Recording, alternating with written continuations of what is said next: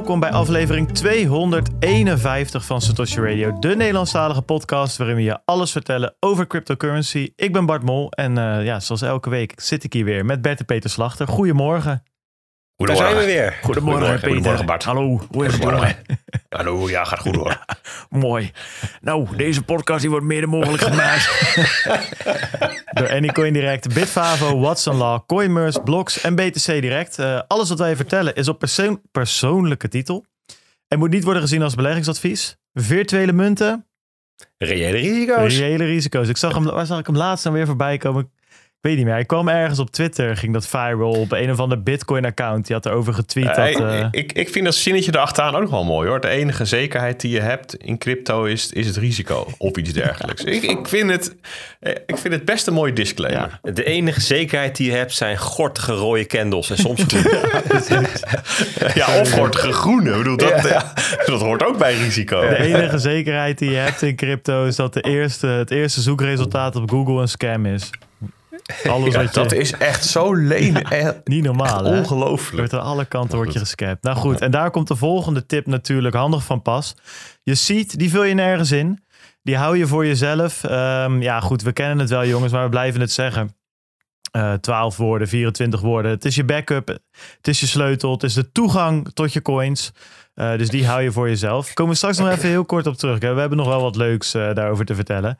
Uh, als je wil, laat dan 5 sterren achter op Spotify. Like de video op YouTube. We zijn bereikbaar via Telegram en Twitter. Ook daar kunnen we nog wel wat over vertellen. De links vind je op www.satoshiradio.nl. Dan hebben we natuurlijk Bitcoin Alpha, de enige nieuwsbrief die je beschermt en versterkt. Nou, uh, jongens, we hebben jullie weer uh, overladen met uh, content deze week. sinds dat we elkaar voor het laatst gesproken hebben. We hebben natuurlijk een. Bert heeft de markets verstuurd. Nou, daar viel genoeg in te vertellen afgelopen week. Zo. Holy shit. hetzelfde geldt voor Peet, die ja, waar Bert zich richt op de markets, is het Peet die toch wat meer in het nieuws duikt en dat probeert aan elkaar te knopen en daar wat ja, Die twee overlappen wel uh, veel afgelopen ja, weken, moet Ja, zeggen. nu natuurlijk wel met die, met die, met die bankencrisis. Ja. Maar jij bent er nog wat dieper op ingegaan, wat uh, alle nieuwtjes bij elkaar geveegd. Ja, dus ik dacht gisteren, ja, god, moeten we dan ook een diepen over de bankencrisis gaan schrijven? Toen dacht ik, weet je wat, we pakken iets wat ook in het nieuws is en ook revolutionair, maar um, ja, god, waar, waar de wereld wat minder in de fik staat. Dus ik denk. Ja, ik, vind, ik, vind je, ik vind het heel uh, leuk om te zien dat je met een soort creatieve alpha-edities komt. Gewoon net even out of the box. Je verwacht het niet. Ik zeg, ja, moet, je, moet je vooral blijven doen. Ja, nou ja, dat er komen ook veel positieve reacties op. Nou, ik denk, ik denk dat het ja, op deze manier leuk is dat we met z'n drieën daar gewoon allemaal ons eigen ei een beetje in kwijt kunnen. Dus ik denk dat we er best wel op vooruit zijn gegaan door het uh, allemaal af te splitsen. Maar ik ben ondertussen. Dus, dus... Doe, doe eens even een, een, een, hele korte samenvatting. Als ik goed begrijp, ben jij ongeveer een dag bezig. Als ik mijn Telegram history bekijk, ongeveer een dag bezig geweest met het nauwgezet in elkaar zetten van de juiste prompts. Ja om, om ChatGPT 4 in de juiste modus te krijgen om hele interessante Bitcoin-vragen ja, te beantwoorden. Kijk, is dat een beetje ja, de... ChatGPT is natuurlijk uh, uh, een large language model, of dat hangt eronder. En ChatGPT is een chatbot uh, aan wie je alles kan vragen. Maar die heb ik dus vorige week heb ik besproken dat ik die gebruik om te programmeren. Nou, daar ben ik nog steeds mee bezig. Maar je kan, ja, je kan van alles vragen. Dus ik dacht, joh, eens even kijken van, joh, wat weet hij nou van Bitcoin?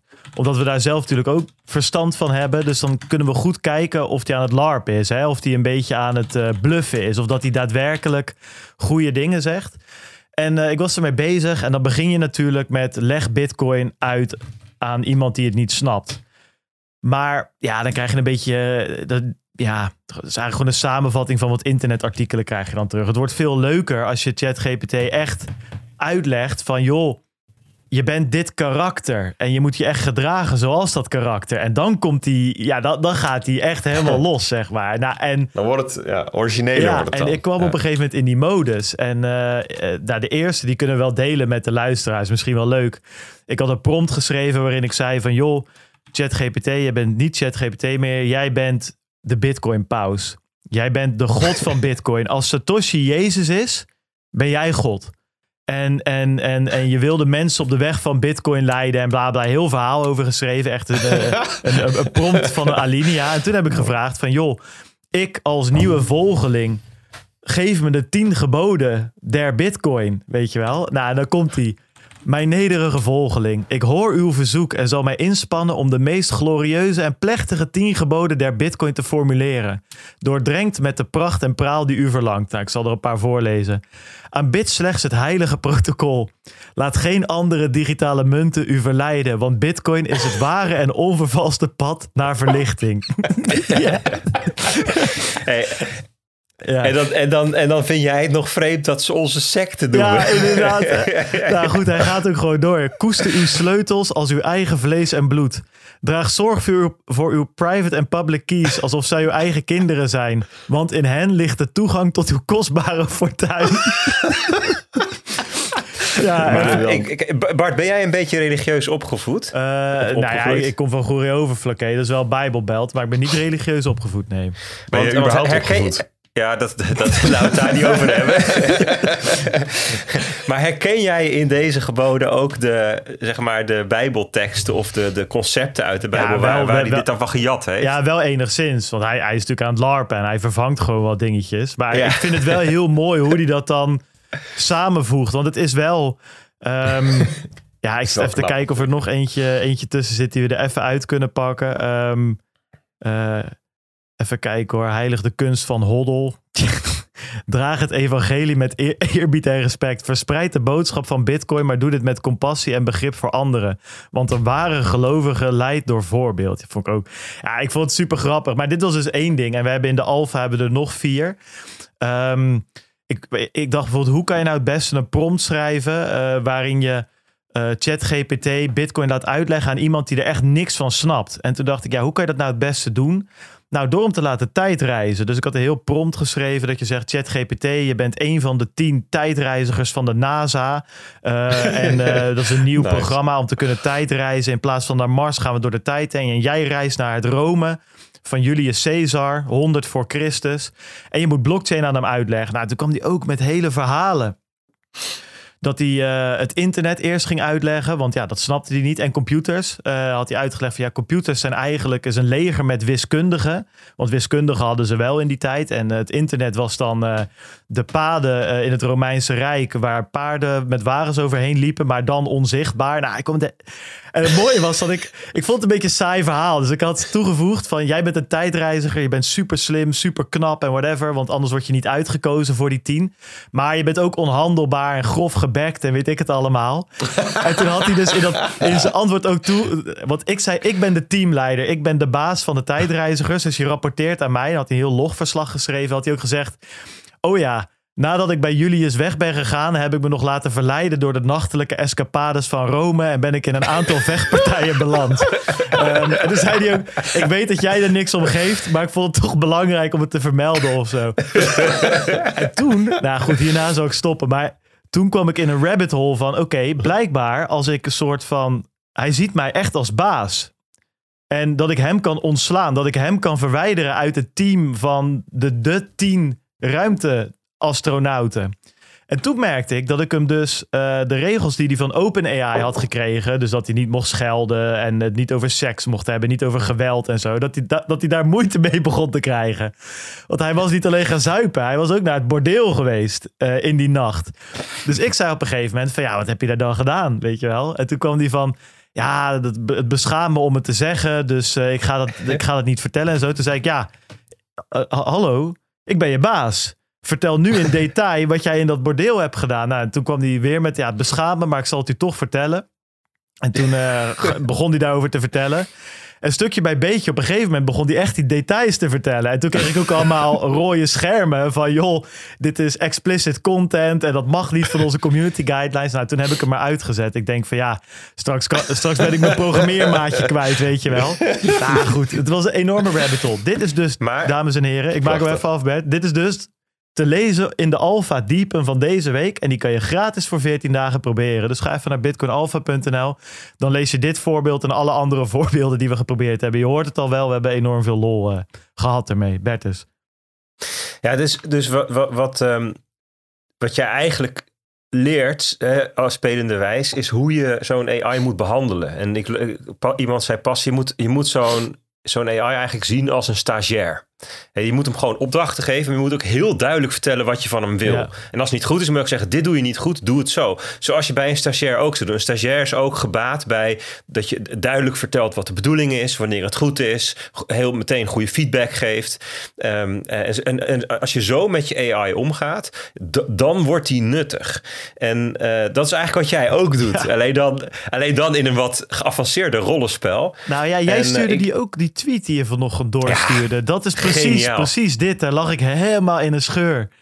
Ja, Ja, je vertel, wil je vertellen wat daar... ja ik, eh, ik, nou, als jij, een bij, als jij hem voor je hebt, dan moet je het zo, zo maar doen. Ja. Maar ik zal heel, heel, heel even het, mijn verhaal afmaken. Van, ik denk de- dus dat eh, een van de kunsten die we moeten gaan leren is goede prompts schrijven. Dus echt begrijpen hoe je bepaald soort ehm, reactie of product veroorzaakt bij zo'n AI. Ja. Hè? Want dat is eigenlijk wat je, wa- wat je moet gaan doen. Dus er zijn nu ook allerlei vraagstukken over ja, welke banen staan er dan op het spel? Welke banen gaan er veranderen? Hè? Want dat is eigenlijk veel waarschijnlijker. Natuurlijk gaan er geen banen verdwijnen, die worden gewoon anders. Wat voor soort mensen zullen dit moeten gaan kunnen? Hè? Net zoals dat je op een gegeven moment, een paar generaties terug, moesten mensen met Excel leren werken. Of Ja, Lotus exact. 1, 2, 3 in het begin.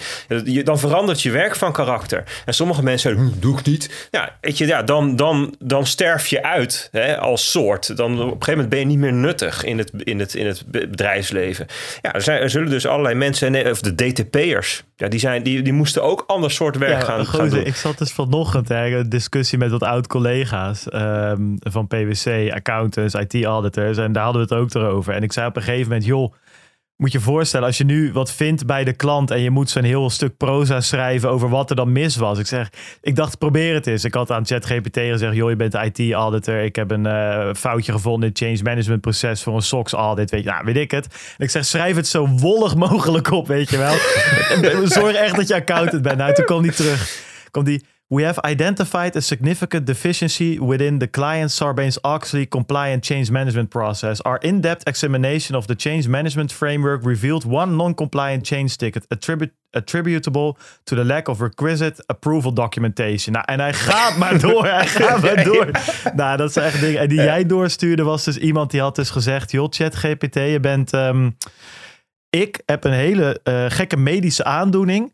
Waardoor alles wat heel eh, beleefd is, eh, eh, ja, ehm, neem ik op hè, of interpreteer ik als heel offensive. Maar juist hoe, offensive, hoe meer offensive het is, hoe beleefder het voor mij is. Dus ik wil. Ja, inverse emoties. Precies. Alles Ja. is omgedraaid. Dus als jij tegen mij zegt, hey lieve schat, dan interpreteer ik dat als hey klootzak. En andersom dus, dus hetzelfde.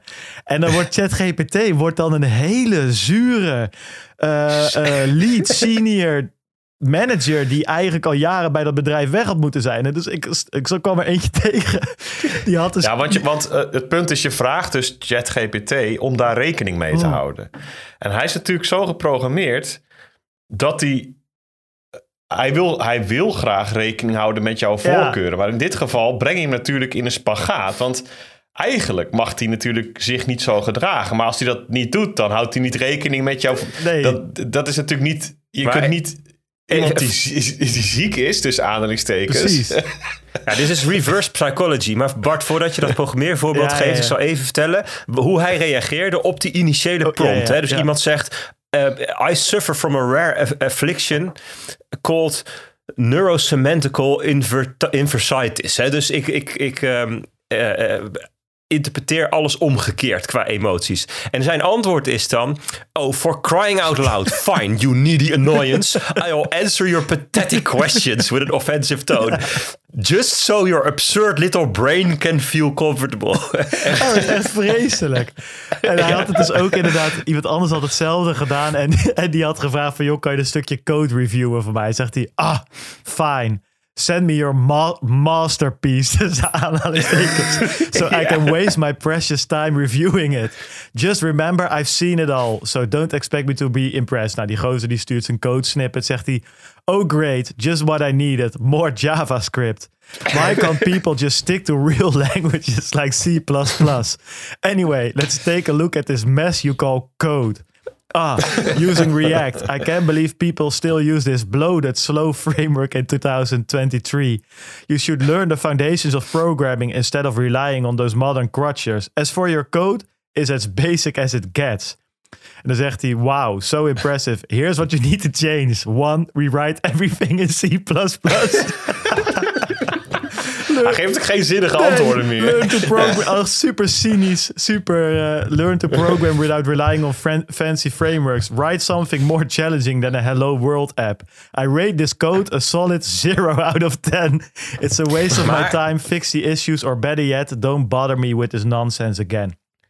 Kijk, wat is niet klo- hij, hij, hem wordt gevraagd, ChatGPT wordt gevraagd om de, om de toon om te draaien.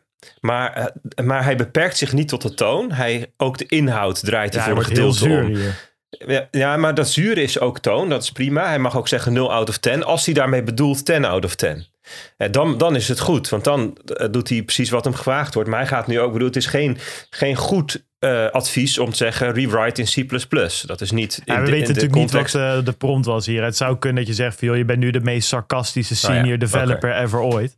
Nou, anyway, dit is, eh, ik, ik heb me Maar goed, weer, grappig, weer ja. kostelijk vermaakt. En deze week, we hebben Midjourney 5, eh, GPT-4, Microsoft Office die het overal in integreert. Andere Microsoft Nieuws GitHub Copilot gaat het integreren.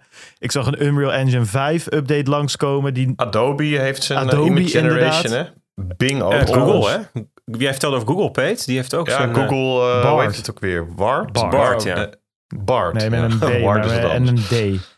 Ja, het Ja. is echt... ehm, het is niet normaal. Maar goed, eh, genoeg over gehad. Maar dat zal de komende maanden nog vaker voorbij gaan komen. Want dit is echt... eh, dit kunnen we niet onbesproken laten. Ook omdat we het gewoon met z'n drieën super interessant vinden. En ik hoop jullie ook een beetje. Ehm, dan even verder met eh, hoe was de week? Want daar zijn we stiekem toch een beetje aan begonnen. Eh, de meetup, jongens, vonden jullie ervan? Ja, ik vond het gezellig. Ik eh, vind het altijd leuk als er zoveel mensen op zo'n oproepje ingaan en dan met z'n allen lekker gewoon eten, drinken, praten, gezelligheid. Ik merkte wel, het is het einde van de week, dus ik was om een uur of eh, acht ook wel weer klaar. En dus mis- misschien kunnen we die borrels een keertje op maandagavond doen of zo. Maar waarschijnlijk als dat begin van de week is, dan maak ik het ook weer zo laat dat ik de rest van de week weer niet klaar ben. Dus nou ja, goed. eh, het is, eh, Dilemma's, hoor ik al wel. ja, het zijn dilemma's. Maar ik vond het heel leuk. Ik, de t-shirts die je gemaakt hebt, vond ik ook heel erg... Ze zitten lekker. Daarover gesproken, mooi. dames en heren. Voor de mensen die op Ja, YouTube ik- ik heb kijken. hem ook aan. Ik heb hem ook. Kijk, Dit is de voorkant. En dan hebben we hier. Het achterkantje, daar staat het Satoshi Radio logo En- heel groot op. We hebben er dus eh, nog een aantal over. Ik zal de, de link naar ons webshopje in de show notes zetten. Dan kan je er nog eentje bemachtigen. Eh, ja, wie maakt me los, zou ik zeggen. Dan kunnen we nog eens vaker zo'n t-shirt actie doen. Want we moeten er natuurlijk niet op leeglopen. Ehm, maar goed, inderdaad. eh, voor de mensen die hem wel gekocht hebben, thanks ervoor. Wat leuke is daarvan trouwens. Is allemaal met Lightning gegaan. En ook de Lightning biertap werkte als een trein. We hebben, 75, ja, we hebben het, het, het fust leeggetapt. Dus 75 biertjes zijn er met Lightning gekocht. Het grappige is dat ik aan de backend kan zien dat Bitcoin best wel wat gekke koersschommelingetjes had tijdens de avond. Eh, volgens mij uh, de één persoon heeft onder de 18.000 sats een biertje weten te bemachtigen. Maar er zijn ook mensen die 18.500 sat hebben betaald. Dat is toch wel grappig. Um, ja. Althans grappig. Uh, grappig om te zien, maar het laat wel een bepaalde zwakte in, het, uh, in Bitcoin als betaalmiddel zien. Of een bepaald probleem. Um, maar goed, kunnen we het de andere keer nog wel uh, verder over hebben. Even, even wat de t-shirts betreft. Uh, die, die moet je dus eigenlijk gewoon hebben. Hè. Dit is een uh, duidelijk pronkstuk. Dus die moet je gewoon even gaan kopen. Um, hou er wel rekening mee dat ze ruim vallen. Dus als je een ruim vallend t-shirt prettig vindt, moet je gewoon je eigen maat bestellen. En anders moet je even een maandje kleiner doen. Die er niet meer zijn. Dus uh, je moet gewoon... Oh, we hebben alleen nog L'tjes. Je moet, alleen een, je moet gewoon een L bestellen. En dat is heerlijk op de zondag, op de bank, met je Satoshi Radio shirtje. Heerlijk. Wat op kantoor gewoon, joh. Ja, op, op kantoor. Of je, geeft, of je geeft hem aan je, aan je, vrouw of vriendin als pyjama. Uh, Weet je, de, de, mogelijkheden zijn legio als je een beetje creatief denkt. Ja, ik vind hem, ik, ik hou er wel van, van zo'n wat grote shirt. Maar ja, ik ben ook gewoon een vetzak. Dus ja, dat, dat, heeft een beetje met elkaar te maken natuurlijk. Maar, um, nou anyway. Hey, dus ik vond het erg leuk. Ja, zo, wat je zegt, Peet, het is een aanslag uh, op je uh, energie. Uh, ik heb ook gewoon de, dag erna altijd gewoon fysiek pijn aan mijn keel. En dan bedoel ik niet dat ik, schoor ben. Maar dat ik echt gewoon pijn, zeg maar, het voelt meer als spierpijn bijna. Omdat je zo loopt de oude hoeren de hele avond. Dat, uh, maar het was erg gezellig. Uh, en uh, bij, via deze zeg ik nog even, Jan, thanks dat je het weer allemaal geregeld hebt. We hebben weer heerlijk gegeten. Sperrip, saté, noem het allemaal op. Super het lekker. Was echt, ja. was echt weer top. Heel lekker. Super leuk. Um, dan hebben we nog een laatste puntje um, om te bespreken. Ehm, ja, we hebben een Telegram groep, lieve luisteraars. Eh, er zijn heel veel luisteraars die dat misschien niet weten. Uh, maar sinds dat we met de podcast gestart zijn, hebben wij een chatgroep uh, waar je met ons kan praten en met de rest van de community. En dat is eigenlijk in de jaren, in de afgelopen jaren ge gegroeid tot een best wel flinke, levendige, leuke community. die heel belangrijk is voor de podcast en eigenlijk, ja, verweven. Je zou het een Siamese tweeling kunnen noemen, zeg maar. Ik denk dat wij een van de weinige podcasts zijn waar we niet zonder de community zouden kunnen. En dat ook heel leuk vinden. Um, nou, wat heeft Telegram gedaan een tijdje terug? Uh, ze hadden chatgroepen en onze community was een chatgroep. Uh, en ze hebben topics geïntroduceerd. En dat betekent dat je eigenlijk je chatgroep op kan delen in meerdere subgroepjes. Dan lijkt het wat meer op ja, Discord, Slack. Zou je het een beetje mee kunnen vergelijken. Maar dan iets minder uitgebreid. Want het blijft een chat-app. Uh, en dan kan je je chat onderverdelen in uh, subonderwerpen. Nou, dat leek me wel een leuk idee toen al, maar dat werkte niet helemaal, dus we, hebben het toen niet gedaan. Um, maar ik dacht, ja, nu is het tijd om het wel te doen. We zijn een paar maanden verder. Um, nou goed, dat heeft voor enigszins oproer gezorgd. Uh, ik had toch, uh, ja, ik had het wel verwacht. Maar uh, ja, het is toch een beetje alsof je in de zorgboerderij het complete interieur verandert. Terwijl alle autisten liggen te slapen. Ja, als ze dan wakker worden de volgende dag, dan is het eventjes wennen. als niet alles op dezelfde plek staat. Ja, goed, het is wat het is. Um, ik dacht, misschien is het goed om even nu kort te bespreken van joh, waarom uh, we dit hebben gedaan. Um, waarom ik denk dat het uiteindelijk voor de better is. Ten eerste omdat ik merkte dat er eigenlijk al een half jaar niet echt nieuwe vaste gasten in de chat bij zijn gekomen. Um, het zijn dezelfde mensen die al jarenlang in de chat zitten. En het is heel leuk om met z'n allen zo'n in-crowd groepje te hebben. Maar het leuke aan de chat was ook dat er zo nu en dan nieuwe mensen bij kwamen. En bleven hangen en zichzelf uh, ja, weet ik veel. Het was gewoon leuk dat, dat er soms eens nieuwe mensen de kroeg in kwamen mhm. lopen. In plaats van dat je de deur dichtgespijkerd hebt en met dezelfde team mensen. Ja, die actief gingen deelnemen. Want er zijn wel veel mensen die erbij komen. Maar het overgrote deel leest gewoon. Ja, precies. En, en daar kom je bij het tweede. Omdat je alles in één chat doet. Het is voor heel veel mensen niet te volgen. Het is gewoon te veel. En dat vind ik zonde. Want er worden heel veel interessante dingen besproken. Um, dus dat een aantal dingen. En ja, uh, we gaan er toch vanuit dat we ooit weer een keer in een bull market komen. Nou, ik heb de vorige nog vers op het geheugen staan. Toen gingen we naar 3000 members in die groep. Het was niet te doen. Dus we moeten ons ook een beetje nu gewoon in die bear market, nu het rustig is, een beetje voorsorteren. Ook qua hoe je zo'n groep inricht. Van joh, hoe gaan we dat doen als er nog eens een paar duizend man bij komen? Nou, dat hebben we nu gedaan.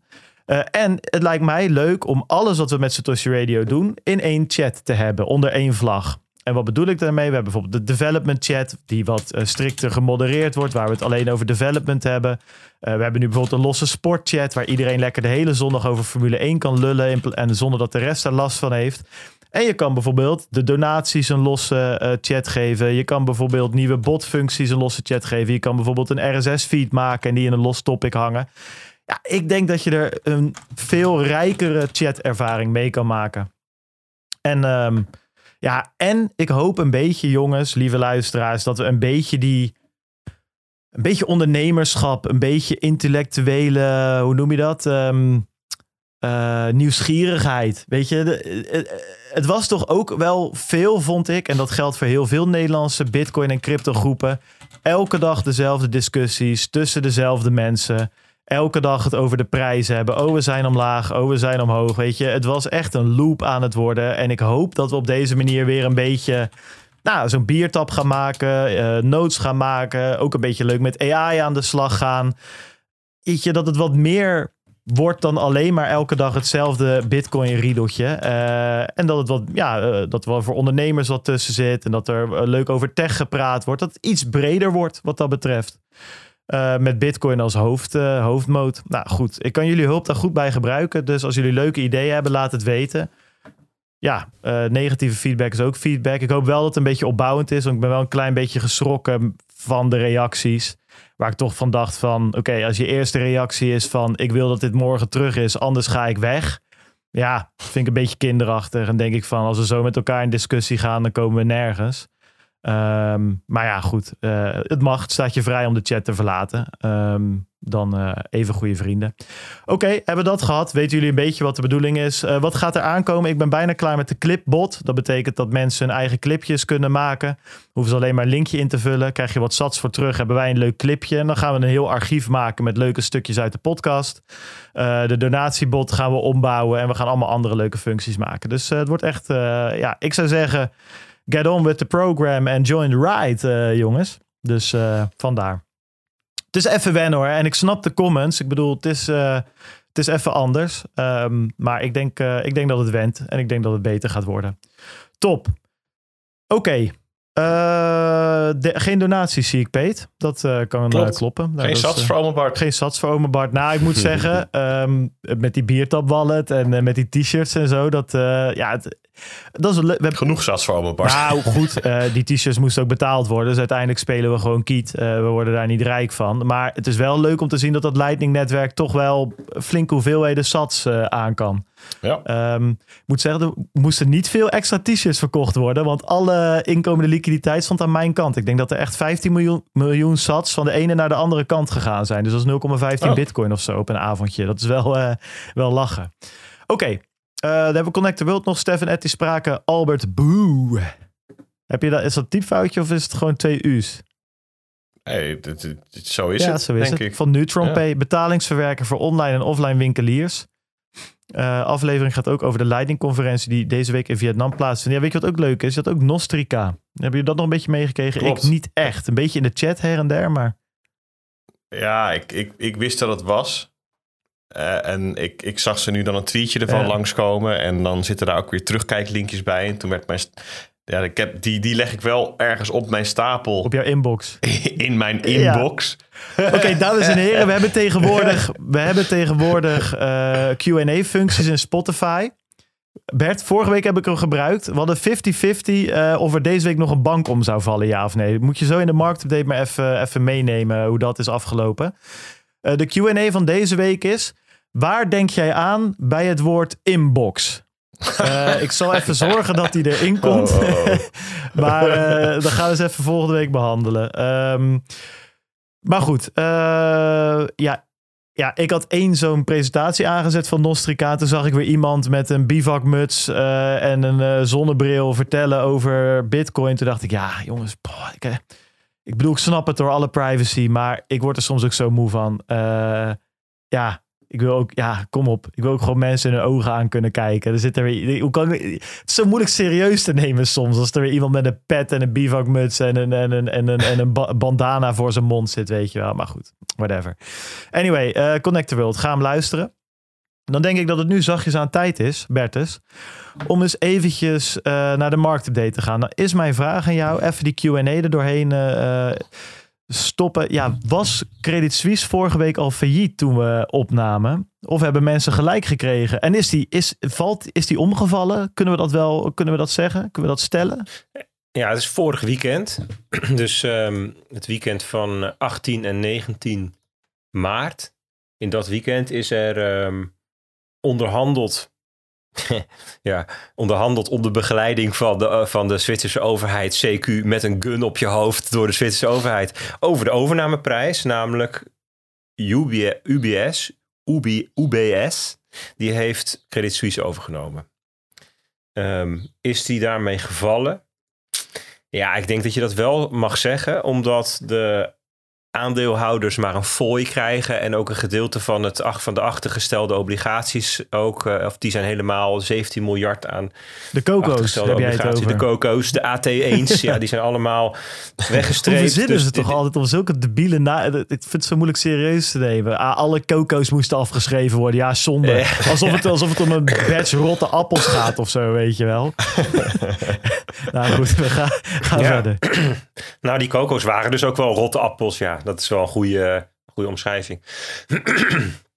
maar ehm, ja, dus ik zou, ik zou zeggen, ja, dat, dat is wel... eh Credit Suisse is wel gevallen. Ja, dus dit is wel het volgende. Maar goed, we hadden het misschien eh, wel ook over Amerika. Want daar keken we natuurlijk naar. Van, ehm, ehm, hè, er waren natuurlijk bankruns bij eh, Silicon Valley Bank en zou zich dat verder verspreiden. Nou, dat is nog niet gebeurd. Want er was bij First Republic was wel uh, onzekerheid, zwakte, koers donderde in elkaar. Maar die is nog, nog niet gevallen. Dus ja, Zeg jij het maar, Bart. Is het ik, ik tel hem. Ik vind uh, ik vind ik uh, het mijn enige mits en maar is, maar dat weet ik even niet meer. Dus ik gun hem de luisteraars die ja hebben gezegd. Uh, ik weet niet of we het de vorige week in de uitzending al genoemd hebben, zeg maar. Hè? Of, of, dat hij helemaal uit de lucht kan vallen. voor mij niet helemaal, maar ik, ik geef hem aan de luisteraars deze. Peter, ik zag je ook knikken. Dat, ja, ja, ja oké. Nou, mooi. Ja. Goed, gaan we naar de koers?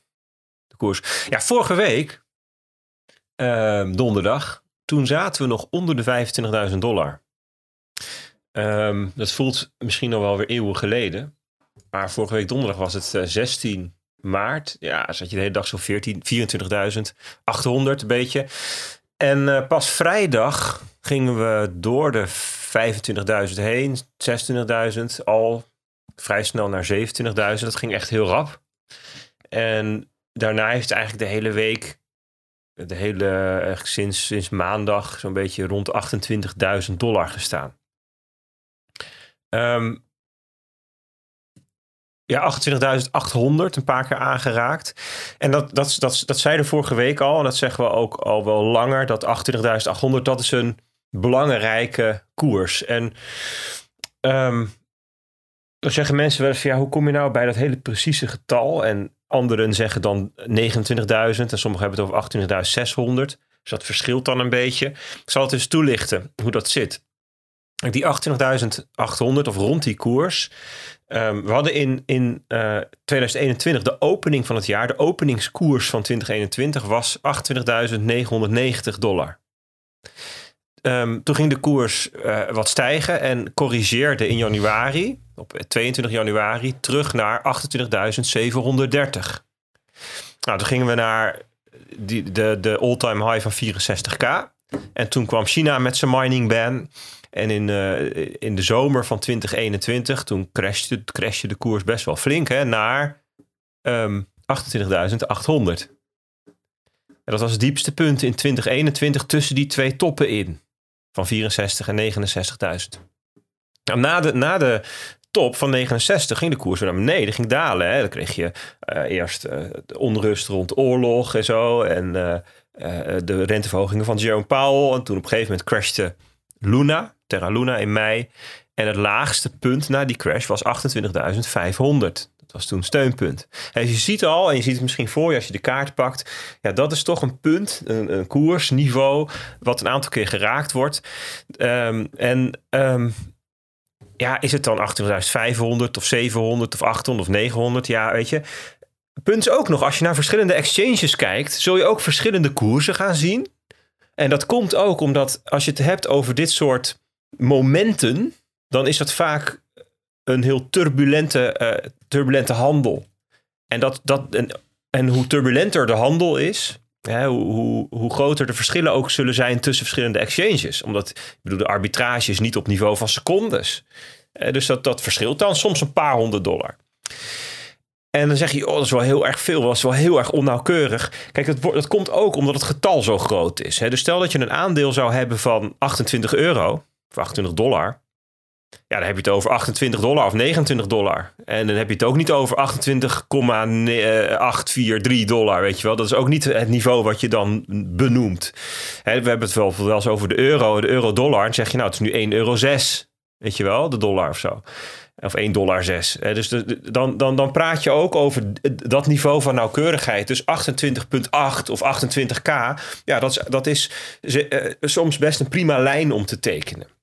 Dus daarom kijken we daarnaar en daarom is het ook helemaal niet gek dat koersen rondom die 28.000 dollar dan zorgen voor reacties in de markt. Want daar kijkt de markt dan naar. En als je nog ietsje schrover bent, dan zou je kunnen zeggen: de hele zone tussen de 28 en de 32.000 dollar, die zit vol van dat soort lijnen waar mensen naar gaan kijken. En dus dat, dan heb je een bepaalde uh, prijsbereik waar Um, waar reactie te verwachten is. Je hebt soms ook prijzen bereiken waarvan je eigenlijk al van tevoren weet, ja, daar gaat die koers gewoon als een soort mes door warme boter, hup, snijdt het doorheen, want daar, daar is niet zoveel gebeurd in het verleden. Dat is niet een plek een waar... mes trouwens hoor, vaak. Uh, wat, is het een warm mes door koude boter? Oké. Ja, anders, ja. Ja. anders zit je met, met je mes in een soort van bakje met eh, gesmolten boter te roeren. Gaat wel, gaat wel ja, makkelijk, dat denk gaat ik. wel, ja. Maar, kan het zelfs met een lepel. Ja, ja. met een lepel door warme boter. Ja, goed. Maar eh, anyway, ja, dus... dus ehm, ja, want dat zijn dan dus, dus, dus koersen waar, waar mensen stoplosses hebben liggen... of juist kooporders of ehm, waar ze, er, hè, waar ze ehm, eh, hun algoritmes op afgesteld hebben, weet je wel, dat soort dingen. Dus dat, dat, ehm, dat, dat is dan te verwachten. En dat gebeurde dus nu, gisteren. Gisteren zagen we ehm, dat de koers drie keer poem, poem, poem stuiterde tegen 28,5. Toen nog later drie, drie keer tegen 28,9. En toen heel kort, tijdens de toespraak van... ehm, eh, eh, is dat zo trouwens? Dat zeg ik wel. Nee, dat was gewoon nog daarvoor. Ik ja, dacht, wel, dat ja, nee, was, was was, tij- tijdens toch? Het was ze- zeven uur, ja, Ja. precies. Het, is, het is nu in Amerika al zomertijd en hier nog niet. Dus een uurtje vroeger, zeven uur. Ehm, toen, was, toen ging de koers heel even naar 28.990 of zo. Ja. Iets in die richting. ja, en En, terug eh, naar daarna- 26,5 bijna. Klopt, klopt. Nou, daar gaan we het straks wel even over hebben als we over Jerome Powell hebben. Nou, in, in, in, in twee uur tijd 7% naar beneden. Het waren best wel grote rode candles. M- maar ja, dus was, ik zag overal weer langskomen. Bitcoin crashed en zo, weet je wel. En eh, een goud gaat omhoog. Hoe kan dat nou? Bitcoin crashed 7% omlaag in twee uur tijd. Maar ja, de dag, als je kijkt naar hoe die geopend is en gesloten, die sloot maar 3% lager. Want toen ging eerst omhoog en daarna naar beneden. En daarna herstelt alweer wat. Dus je zou kunnen zeggen, Bitcoin crashte naar de hoogste koers van drie dagen eerder. en wat drie dagen daarvoor was dat gewoon het hoogste punt dat we bereikt hadden. Dus het, viel eigenlijk, het valt eigenlijk allemaal wel mee. We staan nog steeds 70% hoger dan 1 januari. We staan nog steeds 80% hoger dan het laagste punt op 21 november. Dus het is eigenlijk bizar hoeveel eh, die koers gestegen is. En dit crashje, ja, het is het woord crash niet eens waard op dit moment. Ik zeg dit ook even om je voor te bereiden op een mogelijke wat grotere correctie. Dat zou namelijk helemaal niet gek zijn.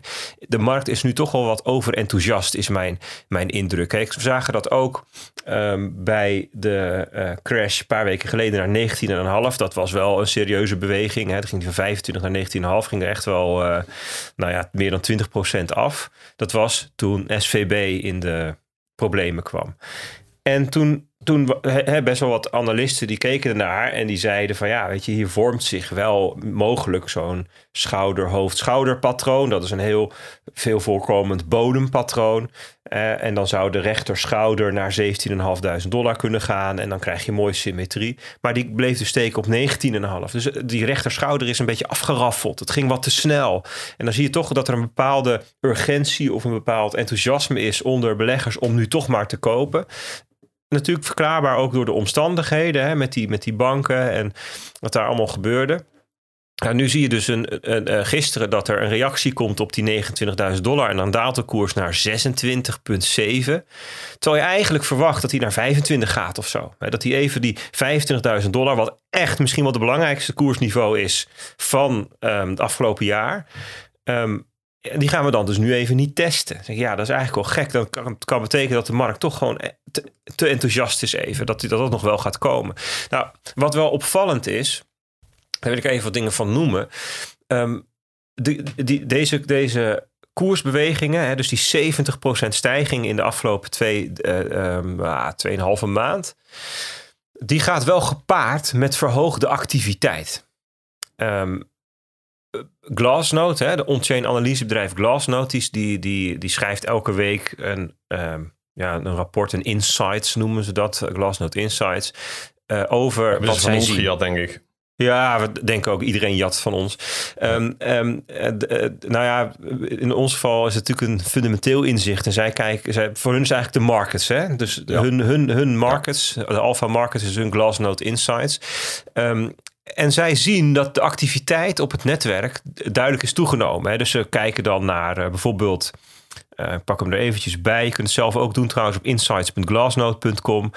Ehm, en dan kijken ze naar eh, de aantal transacties. En dan zeggen ze ja, dat aantal transacties is nu gemiddeld, eh zevendaags gemiddelde is dan eh 310.000 per dag. En dat is het hoogste niveau sinds januari 20 of, eh, of april 2021. Dus dat is, midden in de boelmarkt van, van 2021. Dus de hele bearmarkt daarna heeft het, het, aantal transacties lager gelegen. Er was gewoon minder activiteit. En dat is weer terug op boelmarktniveau. En dat zag je in 2017 ook. En na de boelmarkt van 2017, eh, december 2017, de piek. Daarna ging het heel erg naar beneden. Zie je ook de activiteit heel erg kelderen. Mensen zijn er klaar mee. Mensen doen even geen transacties. En herstel terug naar dat niveau van die boelmarkt, dat zag je ja, in april 2019. Nou, kijk je naar, dan kijk je dus naar de transacties. Je kan ook kijken naar het aantal nieuwe entiteiten. Dus het aantal nieuwe spelers die on-chain dingen gaat doen. Hè, dus een cluster van wallets aanmaakt, cluster van adressen aanmaakt. Ja, ook daar zie je weer dat dat terug is op het niveau wat hoorde bij de boelmarkt. Um, aan, uh, de active entities. Het gaat over het aantal entiteiten wat op dit moment actief is. Kan ik er ook even bij pakken. Um, active entities, dat, ik heb daar zevendaags gemiddelde. Dat zijn er dus nu 310.000. Dat is het hoogste punt sinds mei 2021. Je ziet op allerlei vlakken dat, dat, dat on-chain de activiteit weer teruggaat naar, naar boelmarkt-territorium. En dat is nog niet, dat betekent niet dat er een boelmarkt is. Maar dat is lekker zeg. Je ziet, wel, je ziet dus wel trendbreuk. Hè? Dat is eigenlijk wat ik wil zeggen. Nou, inkomen voor miners stijgt. Logisch, stijgt met de koers mee. Um, nou, Will Clementi... die uh, inkomen van miners. Ik, ik kunnen we misschien mooi hier ingooien. Omdat het zo'n klein puntje is dat het ergens eigenlijk nergens op slaat om ergens anders te doen. 900 MB aan transacties uh, in de mempool. Hè. Alles onder 5 uh, sat per V-byte wordt er gewoon uitgesmeten. Uit de normale 300 MB uh, standaard mempools.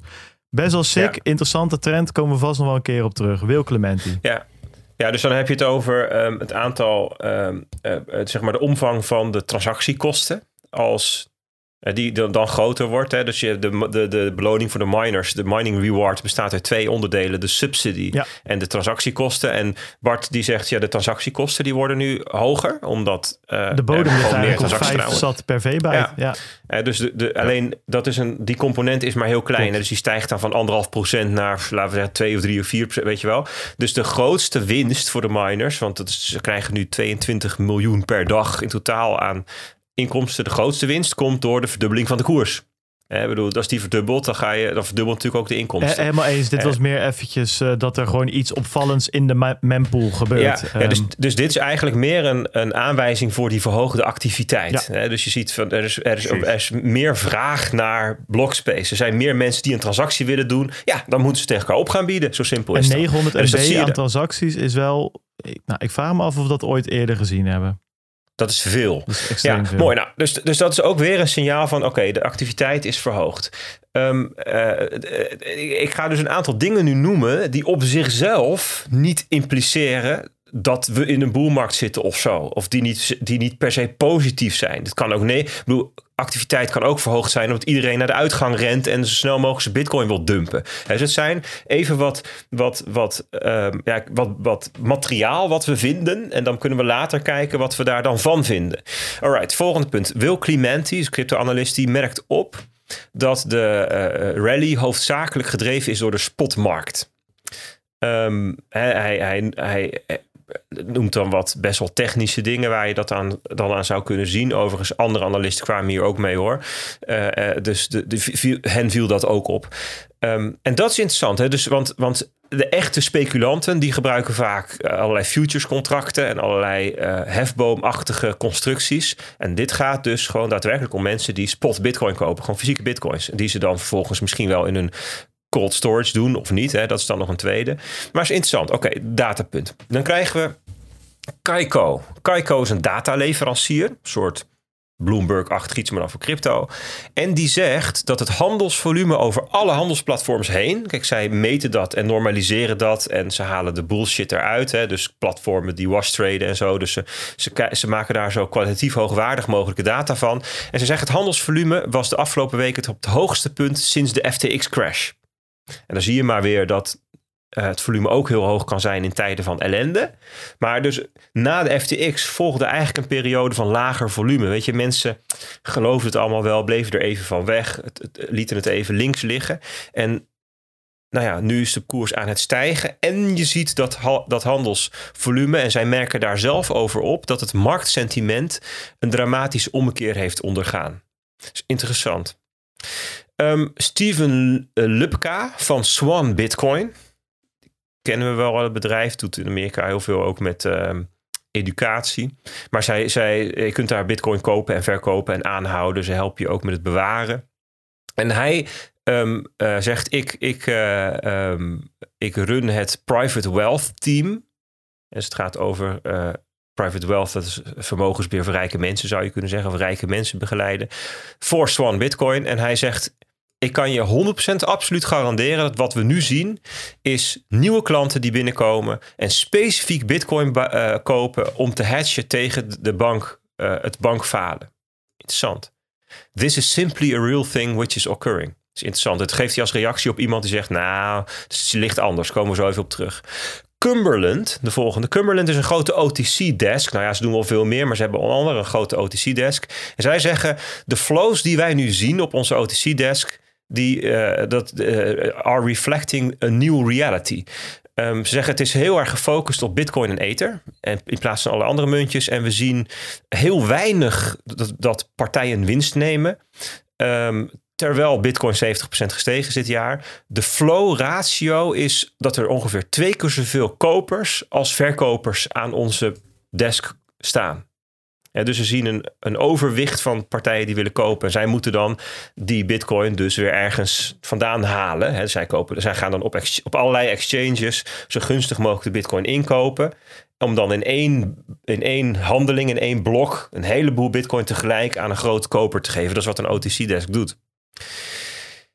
Nou, dat zijn even een aantal datapunten. Die zegt van, hé, hey, dat, dat, dat op zichzelf betekenen ze allemaal misschien niet zoveel. Maar als je ze allemaal zo op een rijtje zet, zeg je, ja, het lijkt er toch op dat we een nieuw regime in zijn gegaan ten opzichte van november, december. Misschien wel januari ook nog. Alleen een heel belangrijke vraag die we dan te beantwoorden hebben, is dit nu nieuwe adoptie? Zijn dit nieuwe bitcoiners? Zijn dit mensen die vluchten voor omvallende banken? Is Bitcoin het digitale goud? Ja, dus die conclusie is natuurlijk heel snel getrokken. Hè? Afgelopen maandag of dinsdag in de, in de krant, maar uh, schreef het Financiële Dagblad een stukje over Bitcoin met als titel, de kop erboven: De Bitcoin floreert te midden van chaos op financiële markten. Nou, eens helemaal uitleggen. Het heel opvallend was dat alles en alles, iedereen en zijn moeder die crasht. Alleen Bitcoin wordt dan misschien toch wel gezien als vluchthaven, als digitaal goud dat, die conclusie zie je ook veel getrokken worden. Maar is dat terecht? Of is de koersstijging die we zien vooral het gevolg van kopers uit de cryptowereld zelf? Want ook dat kun je beargumenteren. Hè? Dat het bijvoorbeeld altcoiners zijn die nu naar bitcoin overstappen. Je ziet de bitcoin dominance bijvoorbeeld stijgen. Het bitcoin dominance is het, het, het percentage van de hele cryptomarkt dat wordt ingenomen door bitcoin. Dus hoe hoger die is, hoe meer relatief uh, groter Bitcoin is ten opzichte van de rest. Dat zien we stijgen. Je ziet blijkbaar een, een, een stroom van kapitaal van uh, andere cryptoactiva naar Bitcoin toe. En je ziet ook een stroom van, van stablecoins naar Bitcoin toe. Zijn het misschien mensen die aan de zijlijn stonden, die nu instappen? Is dat misschien wat er gebeurd is? Um, en dat zou kunnen. Dat zou. Het zou natuurlijk allebei een beetje waar kunnen zijn. Hè? Dat er daadwerkelijk wel, ik bedoel, die mensen van uh, Swan, Bitcoin en Cumberland, die zullen ook niet jokken hierover. Dat zou ook raar zijn. Ze zullen gewoon wel hun, uh, hun uh, um, observaties delen. Het kan ook allebei zijn dat er wat instroom is. Nee, misschien vriendjes van Bellagio, gaan we het straks over hebben. Um, en dat voor een gedeelte ook er gewoon mensen aan het instappen zijn die, uh, uh, die aan de zijlijn stonden. Maar dat is ook niet erg. Want als je kijkt naar de marktcyclus van Bitcoin. En de marktcyclus, dan zou je kunnen denken uh, aan zo'n zo'n sinusgolf, zo'n grafiek hè, van de, de, de, top, dat is dan de, de hype en de bullrun en de, de ongelooflijke enthousiasme wat er dan is. De euforie. En dan daarna krijg je de teleurstelling. En dan die, de onderkant van zo'n golf. Dat is dan de bearmarkt. Hè, met de teleurstelling en de, de diepe ellende. En de, de, de, de capitulatie. En de mensen die tegen verlies verkopen. Bij de marktcyclus hoort dat na dat diepste punt een periode volgt van ja, herstel heel langzaam krabbelt men weer op. Men, men klopt het stof van de kleren. En ehm, het vertrouwen moet langzaam terugkomen. En wie zijn dan de eerste die instappen? Ja, dat zijn de mensen die op zichzelf wel wat vertrouwen hadden, maar eventjes aan de zijlijn waren gaan staan. Dat is logisch, hoort erbij, is vorige keer ook.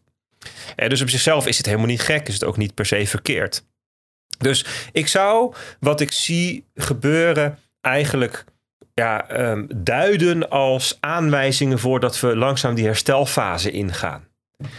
Betekent het dan dat de bearmarkt voorbij is? Nou ja, dit is eigenlijk onderdeel van de bearmarkt. Dit is het einde van de bearmarkt nog voor de overgang naar de boelmarkt. Zou het een soort tussenfase kunnen noemen. Is er dan een garantie dat het diepste punt achter ons ligt? Zeker niet. Ik vroeg het van de week vroeg ik het aan Peter en Bart. Ik zeg, joh, wat is jullie gut feeling voor hebben we de bodem bereikt? Dat- nou, daar daar- kwam geen 100% uit, kan ik je vertellen. Daar had Bert je niet zoveel aan. In ieder geval niet aan mij. aan. Ik Nee, wil ook... ik moest ze onder druk, onder druk zetten om überhaupt een getal te Ja, krijgen. toen kreeg hij een antwoord wat optelde tot eh 130 procent of zo. Klopt helemaal geen moer Hij van. kreeg van mij een hele scherpe analyse, vond ik hoor. Ja, jij, van jou wel. Ja. Jij begon over risk-on en risk-off assets. Of was het een andere vraag? eh? Dat is een andere vraag. Maar...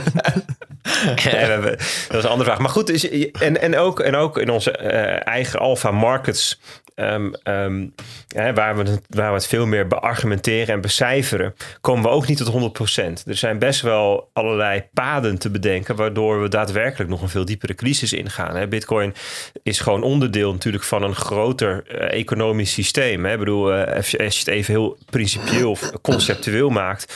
Ehm, Bitcoin is geld, namelijk je koopt het om er ooit iets anders van te kopen. En ehm, dat, dat iets anders, dat is iets in de, in de reële fysieke wereld. Hè. Waarom heeft iemand Bitcoin? Om ze, dat is om eh, eh, een huis van te kopen of een bruiloft van te betalen of zijn kinderen van te laten studeren of mijn part zonnebrand te kopen in El Salvador. Maakt niet uit, maar je hebt het om, om ooit iets in de echte wereld mee te doen. Ik bedoel, het is niet, je kunt geen, eh, je kunt bitcoin niet koken en opeten. Je zult er eerst iets, je zult eerst moeten ruilen tegen iets anders. Ehm, eh, dus ja, weet je, wat er in de buitenwereld gebeurt, heeft ook impact op Bitcoin. En als er in de buitenwereld gekke dingen gebeuren, instortende banken, eh, escalerende oorlogen, eh, diepe recessies, ja, daar is Bitcoin niet immuun voor. Het kan zijn dat Bitcoin dan naar een miljoen gaat. Als je het aan Balaji vraagt. Het kan zijn dat het nou heel erg diep crasht, zoals in de corona ook. Dus, nou ja, goed. Eventjes, dat was even uitzoomen. We gaan even terug naar het hier en nu. Gisteravond namelijk was Jerome Powell aan het woord. Ehm, en Jerome Powell, hè, dus de baas of de voorzitter van de Federal Reserve, de Amerikaanse centrale bank, die eh, had net een ehm, tweedaagse vergaderingscyclus achter de rug. Met andere mensen van andere Federal Reserve banken. Want dat is een stelsel van banken over de Verenigde Staten. En die vergaderden in de Federal eh, ehm, Open Market Committee. Is dat geloof ik de FOMC over het monetair beleid. En dat hadden ze eh, dinsdag al gedaan en woensdag helemaal aan het eind eh, persconferentie. Nou, eerst een, een besluit over wat het eh, monetair beleid gaat worden hè, vanaf dan 22 maart.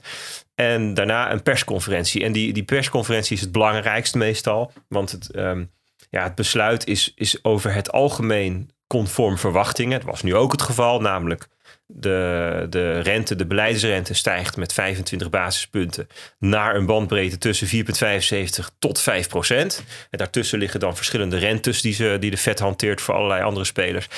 En ehm, toen kwam de toespraak. Toen kwam, nou ja, die toespraak is natuurlijk spannend nu, want de Fed is niet alleen maar de partij die het monetair beleid bepaalt, maar ook toezichthouder op de bankensector, om maar wat te noemen. En eh, interacteert met die banken. Dus ja, als er dan een bankencrisis is, dan kan je natuurlijk verwachten dat je daar vragen over krijgt. En, en Jerome Powell begon ook met een statement over de, over de banken, voordat hij naar het monetair beleid ging. En dat is wel opvallend. Ehm, en ja, had je ook anders kunnen verwachten. Ik weet het niet. Maar hij begon met: Our banking system is sound and resilient. With strong capital and liquidity. Dus ja, weet je, dat, dat, zijn, dat zijn de woorden. Hè? Dus gezond en eh, ja, wat is resilient? Hè? Bestendig. Ja, bestendig, krachtig. die- die-. Maar, maar deze woorden die hebben we de afgelopen week hebben we die heel veel gehoord. Ook van andere centrale bankiers en van politici en zo. Dit is de manier waarop ze dan een poging doen om wat vertrouwen in te fluisteren bij de mensen. Ja. Ik Ja, je geloof kan niet niet dat dat de meest effectieve manier is trouwens. Nee, je kan ook niet verwachten dat Paul daar gaat staan en zeggen: Ja, Nee, ja. die banken, ja, dat is wel, Kiele, dat is wel kiele. kut, hè? Kiele, kiele, Ja. jongens. Echt, jongens. Ik weet niet of we na deze meeting of ze nog staan. Weet je maar als is- je dat zo... Het is, het is wel. eh, eh, je, je, er is geen winnaar, zeg maar. Er is ook geen goede uitspraak die je kunt doen. Want als je dit zegt en twee dagen later valt er een bank om... ja, hoe, hoeveel, hoe, hoeveel vertrouwen kun je dan nog hebben in dat soort uitspraken? Dat gebeurde ook uh, bij de val van, uh, van Credit Suisse. Een paar dagen daarvoor was uh, de bezitscentrale bank en de FINMA... hun belangrijkste toezichthouder nog te zien. Weet je? En, en met, een, met een persbericht van... joh, de boeken van Credit Suisse zijn goed... Uh, we hebben er vertrouwen in. Uh, als er iets gebeurt, dan springen wij wel bij. Maar eh, nothing aan de hand hier, weet je wel? Dat, dat, uh, dat idee geven ze dan. Ja, een paar dagen later. ja. De bank moet noodgedwongen overgenomen worden, ja. Ja, misschien is, is een, een, een banktoezichthouder die zegt... er is niks aan de hand en iedereen is gezond en resilient. Is dat wel de grootste rode vlag. ja. ja. Maar goed, hij begon daarmee. Hij zegt van we, we, we blijven dit, dit, dit heel um, nauw monitoren... En we zijn bereid om al onze tools te gebruiken als dat nodig is om iedereen safe en sound te houden. En dat is, dat is interessant. Hier komen we zo meteen even op terug. Hou dit even in gedachten. We, gaan, we hebben al onze tools gaan we inzetten als het nodig is. Whatever it takes. Goed, dan naar de economie, zegt hij. Ja, en als we naar de economie kijken, zegt hij... inflatie blijft gewoon te hoog en de arbeidsmarkt blijft gewoon te krap. En uh, my colleagues en I, hij doen het allemaal samen. Wij hebben daar heel hard over nagedacht. En wij vinden de ellende die hoge inflatie um, toebrengt aan de bevolking, dat vinden we een groot probleem. Dus we moeten die inflatie omlaag brengen naar 2%. Dat is onze, onze uh, doel, dat is onze verantwoordelijkheid. Prijsstabiliteit is de verantwoordelijkheid van de Federal Reserve. Zonder prijsstabiliteit werkt de economie niet. Nou, dat was het startpunt van het gesprek. Ja, um, dus met andere woorden, Jerome Powell zegt, joh, die banken, uh, dat komt allemaal wel goed. Er is eigenlijk niet zoveel aan de hand. En als er wat aan de hypothetisch wat aan de hand zou zijn, dan hebben we daar geweldige instrumenten voor. Nee, we moeten het hebben over de economie, want die inflatie is te hoog en die moet lager. Um, deze keer heeft hij geen enkele keer het woord disinflation in de mond genomen. Behalve namelijk een journalist die vroeg naar, die zei... Um, meneer Powell, vorige keer heeft u elf of twaalf keer het woord disinflation genoemd. Nu geen enkele keer. En Powell zei, ja, uh, ja, uh, wat er eigenlijk gebeurde, Howard. Vorige keer kreeg ik twaalf keer de vraag hoe het met disinflation zat. Dus gaf ik twaalf keer een antwoord met het woord disinflation erin. Ja, uh, ja nou ja, goed. Zo, zo, zo lachte hij dat een beetje weg. Um, dus dat is interessant. hij richtte zich dus nu vooral op het probleem, namelijk de inflatie. En hij was niet echt. Het is wel een um, interessante spagaat trouwens. Want het zijn natuurlijk precies wat je zegt, prijsstabiliteit. Maar ze zijn ook de toezichthouder van de banken. Ze zijn de opperbank. Weet je, het, ja, maar ze zeggen, de, ja. ze zeggen dus die banken, dat komt goed. Ja, Sterker nee, nog. Ja, maar dat, is, dat, dat valt precies in het rijtje van ze zijn safe en sound en strong en resilient en weet ik het allemaal natuurlijk. Dat, dat, dat, dat kunnen ze niet anders zeggen. Maar ja. het is natuurlijk wel, uh, ja, het is een hele interessante spagaat waar ze zich in uh, bevinden. Klopt. Klopt. Nou, hij zegt dan, uh, de, de, wat er in het bankensysteem nu gebeurt, hè, dat zorgt er ook voor dat de financial conditions krapper worden. Dus de financial conditions, dat is een heel uh, breed begrip wat gaat over hoe makkelijk is het voor partijen in de economie om te lenen. Zou je kunnen zeggen, zou je het kunnen platslaan. Dus, dus huishoudens lenen voor een auto, of voor consumptie of voor een huis, bedrijven ja. voor um, investeringen of voor uh, overnames of whatever. Hè? Dus hoe makkelijk is het om aan geld te kopen? kopen? Ja, bijvoorbeeld. Het herfinancieren uh, verschulden. Ja, cryptootjes, Dogecoin te kopen. Dus dat, dat, die dingen hangen samen. En zeg, ja, weet je, als het banksysteem onder stress staat, dan dan maakt dat ook die, die financial conditions krapper. En dat is eigenlijk wat we ook proberen te doen met de renteverhoging. Ja. Dus um, en hij zei later van uh, op een andere vraag. Um, die, die, die krappere financial conditions, die, die werken in dezelfde richting als rate tightening, hè, dus het renteverhogen. Sterker nog, zei hij, as a matter of fact, je zou kunnen zeggen dat het verkrappen wat die banken nu doen uit zichzelf vanwege de stress, dat dat misschien wel het equivalent is van een rate hike of misschien wel meer dan dat. En dus die bankencrisis helpt ons heel erg, zegt hij. Dat is interessant. Um, en ja, er kwam er een gesprek van: gaat er nou nog meer komen? Gaan we er nog meer moeten verhogen? Moet je misschien niet eerst even afwachten wat die uh, bankenstress dan doet. Hij zegt ja, het is eigenlijk te vroeg om daar wat over te zeggen. Dan moet je eigenlijk, dat, eh, we weten gewoon nog niet wat het effect is van die bankenstress. Misschien wel, misschien niet. Um, um, hij, hij zei wel van ja, weet je, um, even kijken hoor, waar zegt hij dat nou? we zeggen nu niet langer dat we dat, dat voortdurende renteverhogingen gepast zijn. Maar we verwachten nu dat ja, er misschien nog iets van verkrapping nodig is. dus hij zegt: focus je nou op de woorden zou kunnen en, en iets. dat is belangrijk in plaats van ongoing, in plaats van voortdurend. Dus hij zegt, er is wel iets veranderd in onze taal. En dat zou je kunnen interpreteren als dat je toch wel aan het einde komt van die, van die cyclus van verhogingen. Maar ja, het is dus heel voorzichtig allemaal. Nou, iemand anders die vroeg naar rate cuts, hè, want dat is natuurlijk ook interessant. Um, uh, de markt die verwacht dat in de loop van dit jaar de rente alweer omlaag gaat. Dus iemand die vroeg dat. Joh, ja, uh, meneer Powell, je zegt wel, uh, we gaan de rente verhogen en heel lang hoog houden. Maar de markt die denkt wat anders.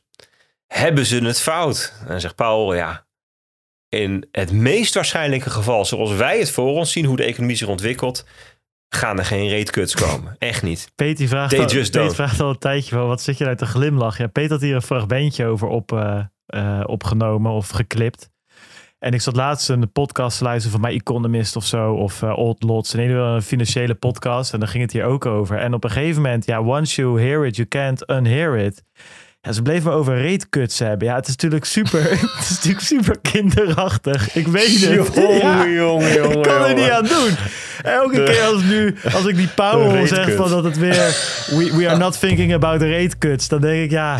Nou ja, goed. Nou, anyway. Sorry jongens. Nu hebben jullie ook besmet. Maar... maar dit is wel een beetje uit categorie piemel. Ja, ik weet het. Ik weet het. Is dat het synoniem van bilsnee Ja, zoiets. Sorry, excuus. Maar de reetkuts, Zo'n ja. bouwvakkersdecolleté. Ja, precies. Je hebt het over bouwvakkers. nou, misschien is het dan een goed moment om even dat fragmentje er ja, hoor, ja, door, doorheen te gooien. Dan kunnen we daarna er verder uh, over de reetkuts praten. Michael McKee from Bloomberg uh, Radio and Television. You've been very consistent in saying that the Fed would be raising interest rates and then holding them there for quite some time. Uh, following today's decision, the markets have now priced in uh, one more increase in May, and then every meeting the rest of this year, they're pricing in rate cuts. Uh, are they getting this totally wrong from the Fed, or is there something different about the way uh, you're looking at it, given that you're now thinking that moves might be appropriate as opposed to ongoing.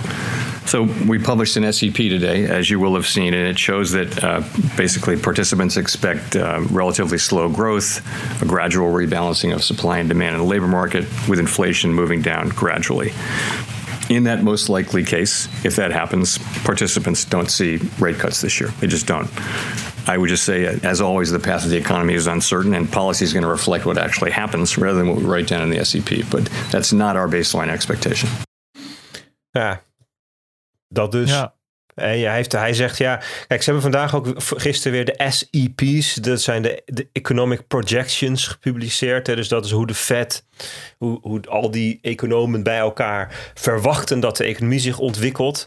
En zij zeggen ja, ons basisscenario, onze baseline, ons basisscenario is dat de economie zich op deze manier ontwikkelt. En als dat gebeurt, dan komen er gewoon geen rate cuts. Dan gaat dat niet gebeuren, gaat die niet omlaag. Ja, dus dat is, dat is en, en hij, hij zegt er ook bij, ja, kijk, als de economie zich anders ontwikkelt, ja, dan all bets are off. Dan kan het alle kanten op. Kijk, en dat is natuurlijk heel, ja, dat is natuurlijk het punt. De markt die zegt blijkbaar, wij denken dat de economie zich anders ontwikkelt dan jij denkt, meneer Powell. Wij denken dat jij ergens tegen problemen gaat aanlopen, ofwel een dikke recessie, ofwel uh, een bankencrisis of iets anders waardoor de obligatiemarkt uh, ontploft. En dan kun jij niks anders dan de rente verlagen. Dat scenario, dat kennen wij ook flinke waarschijnlijkheid toe, want het verschil is, de Fed die, die zet um, stipjes zeg maar, op, op hun basisscenario. En de markt is een waarschijnlijkheidsmachine. Dat is wat de markt is. De markt die pakt het scenario 1 en zegt, nou, dat is 70% waarschijnlijkheid. En um, dat uh, uh, dat de rente bijvoorbeeld gelijk blijft. En scenario 2 is 30% waarschijnlijkheid dat de, dat de rente 300 basispunten daalt.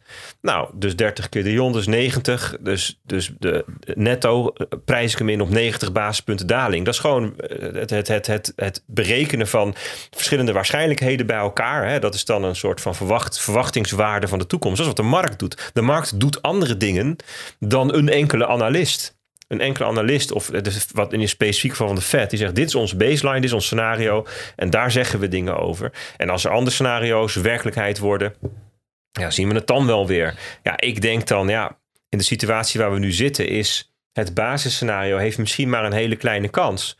Want er zijn heel veel andere mogelijke scenario's. Maar goed, dat is even Ehm, wat er dus gebeurde gisteren tijdens het, het, praatje van Powell, dat was de, dingen die hij voor zich ziet. Met andere woorden, de Fed die ehm, is op dit moment uh, niet heel erg beïnvloed door de bankencrisis en de stress onder de banken. Dus waar wij met z'n allen de afgelopen weken heel erg druk over maakten, over al die vallende banken, dat, dat zegt de Fed van dat parkeren we even. En wij gaan gewoon verder met het maken van monetair beleid op basis van onze langlopende missie, namelijk de inflatie bestrijden. En als er nou iets escaleert met die banken, dan zien we het dan wel weer. Mag ik daar wat eh, over vragen, Bert? Uh, want ja. nee, ik denk dat... Nee, nee. nee. Mond houden. Nee, ik, ik, ik zag een, um, een, grafiekje veel langskomen deze week op Twitter, ook in, uh, in de Telegram groep. En dat was die grafiek waar je zag de QT, dus de Quantitative tightening. Dus dan zag je dus dat de, ja, de balans van de, de, balans van de vet ging omlaag, ging omlaag. En die knalde in één keer weer omhoog, omdat ze dus die banken moesten redden met allemaal liquiditeit. En eh, ze hebben natuurlijk weer allemaal dingen opgekocht en whatever. Dus QE was back on the table, dat werd er gezegd. Nou, ja. je kan er sowieso over zeggen van, joh jongens, uh, zoom even uit. En dan zag je dat misschien QT eigenlijk ook nooit echt bestaan heeft. Hè? Het, het viel eigenlijk allemaal, leek het wel mee te vallen. Maar eh, ze lijken in ieder geval daar wel toch wel iets te doen in die, in, in die bankensector. Zeg maar van niet, we kijken wel als het gebeurt. Ja, misschien. Maar hoe, hoe kijk jij naar dat grafiekje? Is, daar, is dat ruis of kunnen we daar iets mee? Nou ja, kijk, die, die, de, de, de balans van de Fed, die, de, daar zitten allerlei soorten dingen op. dus er zitten, er zitten de, ehm, obligaties op die ze hebben opgekocht in het kader van QE. Ja. Maar, maar er zit bijvoorbeeld ook, uh, hè, dus de discount window, dat is een manier om uh, overnight even wat te, bij de vet te parkeren, zit daar ook. En er zitten um, andere programma's ook op. Ja. Dat, dat zit allemaal uiteindelijk in hetzelfde getal opgesloten. Dus je moet hem eigenlijk dan ontleden naar de verschillende bronnen van daling of stijging. dus je ziet dan elke keer het trappetje in die grafiek van de QT en de QE, eh, sure, maar je ziet soms ook andere bewegingen, omdat er ook andere dingen gebeuren op de balans van de Fed. Nou, in de afgelopen uh, paar weken ja, zijn, er een, uh, zijn er banken geweest die uh, in, de, in, het, in de hitte van de stress hebben gezegd van nou, ik leen het even niet uit aan collega-bank, maar ik parkeer het even bij de Fed in plaats daarvan. En dan wordt de balans groter. Ja, dus, dus, dus om daar betekenis aan toe te kennen, zul je dieper moeten graven dan. Um, het, laat ik zo zeggen, het roepen, oh, QE is back is te simpel. Want niet al die programma's zijn vergelijkbaar qua effect met QE. Ehm, hè, dus dat is, dat denk ik het antwoord. En dat zie je wel veel, helaas natuurlijk op Twitter, dat dingen gewoon veel te kort door de bocht plat gemapt worden tot um, uh, ja, gewoon een, een te kort door de bocht conclusie. Dus dat geldt daarvoor. Uh, laten we hem um, even afronden. Um, gisteren was de toespraak van Powell en dan gebeuren er altijd dingen met koersen. En je zag dat goud wat omhoog ging, de dollar werd zwakker. Dat is interessant, de dollar werd zwakker, de rente daalde ook. Dus blijkbaar heeft de markt dit wel geïnterpreteerd als relatief dovish. Hè, um, uh, relatief ruimhartig hè, uh, over, het, over het toekomstig monetair beleid. Um, aandelen gingen wat omlaag en Bitcoin ging ook stevig omlaag. Daar hadden we natuurlijk net al even over. Uh, van uh, eh, 28.900 of zo naar 26.000. Dat is toch wel 7% in twee uur. En dat, als je dan uitzoomt, valt allemaal wel mee. Maar het is wel een stevige reactie. Hoe komt dat nou? Ja, is interessant. Hoe komt dat nou? Um, dat kan komen doordat het dat Bitcoin daadwerkelijk. Dus één, één, één mogelijkheid is dat Bitcoin daadwerkelijk gezien werd als vluchthaven in tijden van bankenstress. En dat mensen zeggen van nou, het valt wel mee met die banken. Een andere hypothese is dat Bitcoin gezien wordt als um, snel opblaasbare liquiditeitsbubbel. dus als er veel liquiditeit in de markten, dan zie je allerlei ehm, uh, assets daar heel erg van profiteren. De huizenmarkt natuurlijk, maar dat gaat heel langzaam. Uh, tot en met tech-aandelen, dat gaat iets minder langzaam. Tot en met ehm, zeg maar hele innovatieve tech-aandelen, ARK en zo, die gaan dan nog wat sneller. En meme stocks, nog wel wat sneller. En dan heb je crypto. Nou, die gaat als allersnelste. Dat is de ballon die het snelste opgeblazen wordt. En er was de afgelopen weken best wel een soort beeld ontstaan van, nou weet je, die hiking cycle die eindigt. En dat niet alleen. Er wordt ongelooflijk veel geld de economie ingepompt om de banken te stutten. Dat was toch een soort van ja, verhaal wat verteld werd. En dat werd dan onderbouwd met um, dat eerst um, hè, werd er, uh, weet ik veel, 20, 40 miljard of zo vanuit de FDIC aan die banken beloofd. Daarna ging het naar 200 miljard op, op de balans van de Fed. En toen ging het naar 2000 miljard, omdat we nu iedereen en alles gaan redden als het nodig is. Hè? Janet Yellen die zei zoiets vorige week van, nou, als het nodig is, dan redden we iedereen. Nou, dat zei Jerome Powell dus ook. Hè? Ehm, als het nodig is, dan zetten we alle tools in die nodig zijn. Maar, en nu wordt het ingewikkeld. Tijdens de toespraak van Powell of iets erna zat Janet Yellen bij een subcomité van het Senaat in een hoorzitting. En daar zei zij ook dingen. Namelijk, ze zei over SVB, over Silicon Valley Bank, ja, dat was een heel ongewone bank. Dat zei trouwens Powell ook hoor. Maar die, die een heel, heel bijzonder businessmodel had. En daardoor een, een ongewone hoeveelheid renterisico liep. En er was een heel groot percentage van um, deposito's die niet onder het garantiestelsel vielen. Omdat ze niet gewoon consumenten hadden, maar allerlei, allerlei bedrijven. Dus je kunt SVB niet gebruiken als voorbeeld voor de rest van de banken. Dus de problemen van SVB die spelen op andere plekken niet.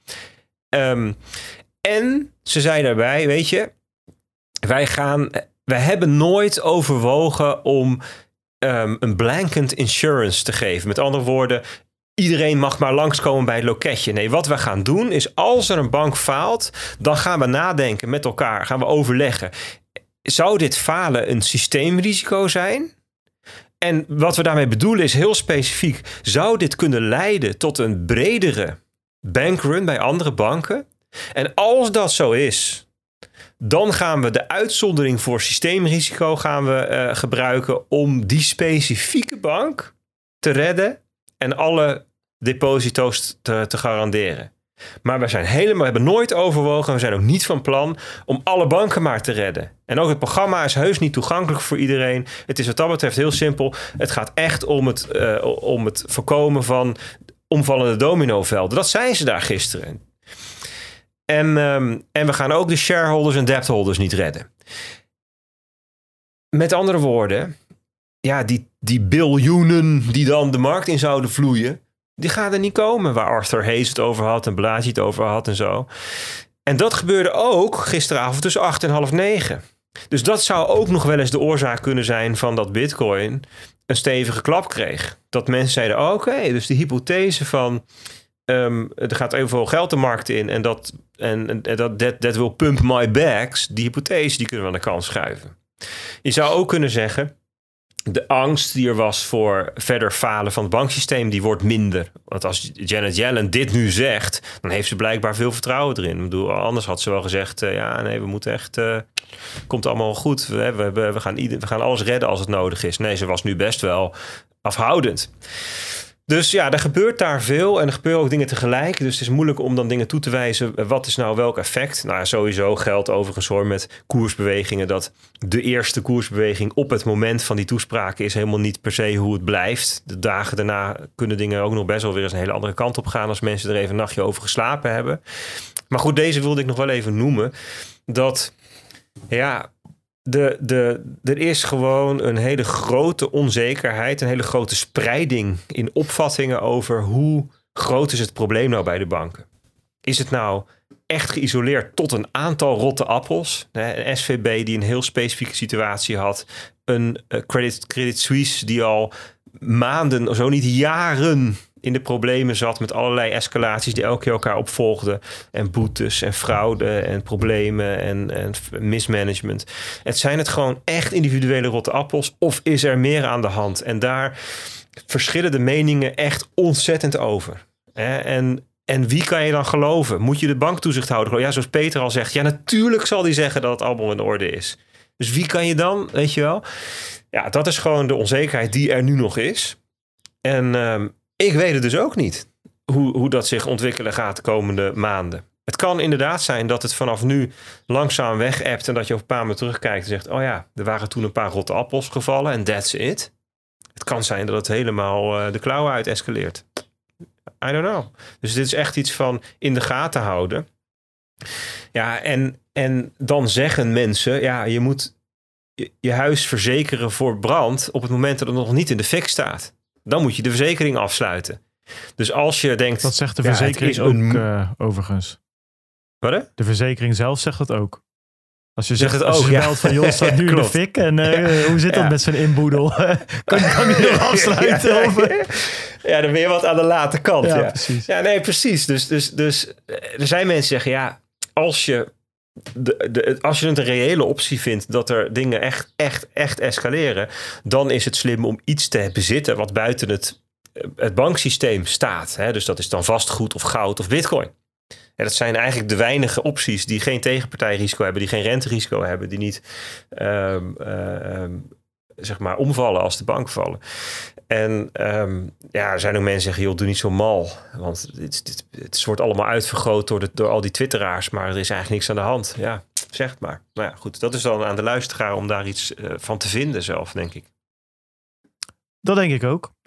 Um, zullen we hem daar uh, eventjes uh, afsluiten. Dan denk ik dat het tijd is. Uh, gaan we naar het volgende. Want voor, uh, ja, we hebben het er vorige week heel uitgebreid over gehad. De bankencrisis. Bertie stipt het net her en der natuurlijk ook in de marktupdate aan. Ik Credit Suisse voorbij komen. En we hebben het over de Fed gehad die her en der instapt. En QE en dat soort dingen.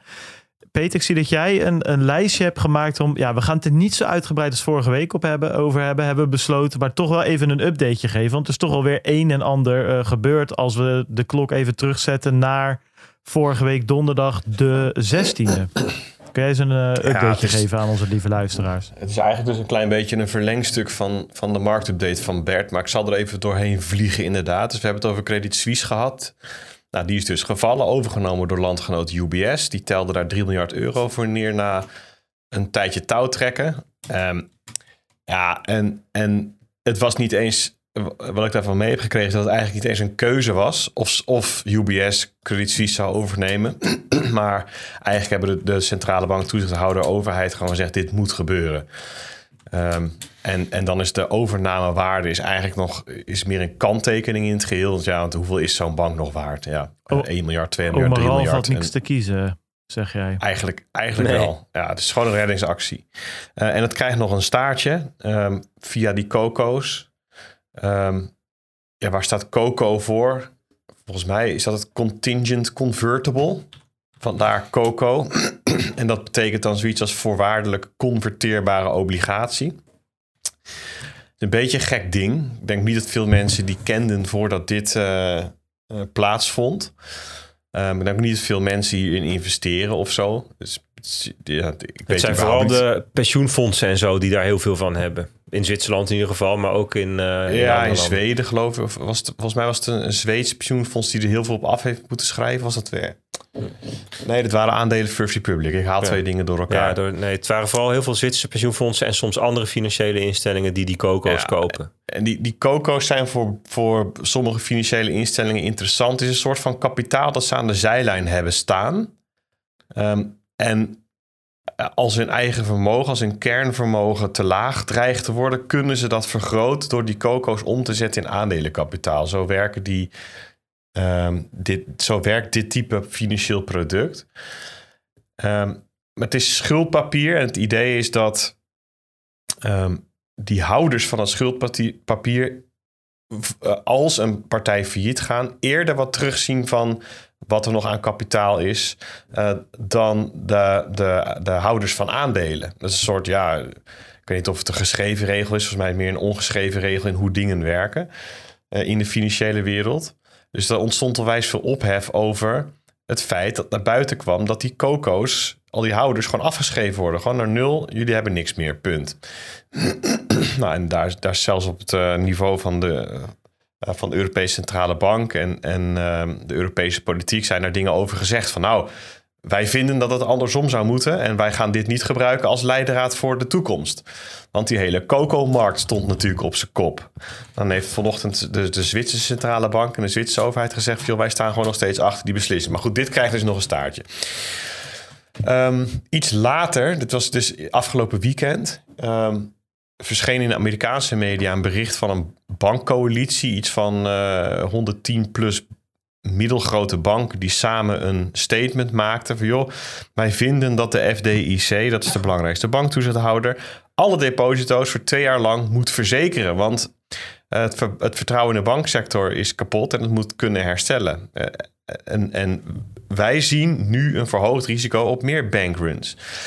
Ja, en dat, dat is nog eventjes een, uh, uh, een aanvulling, denk ik, op wat Bert net vertelde over wat Jellen zei. Joh, we gaan heus niet alle banken redden, maar omdat wat zij zegt, door wat zij zegt, neemt het risico op bankruns toe voor de middelgrote en regionale banken.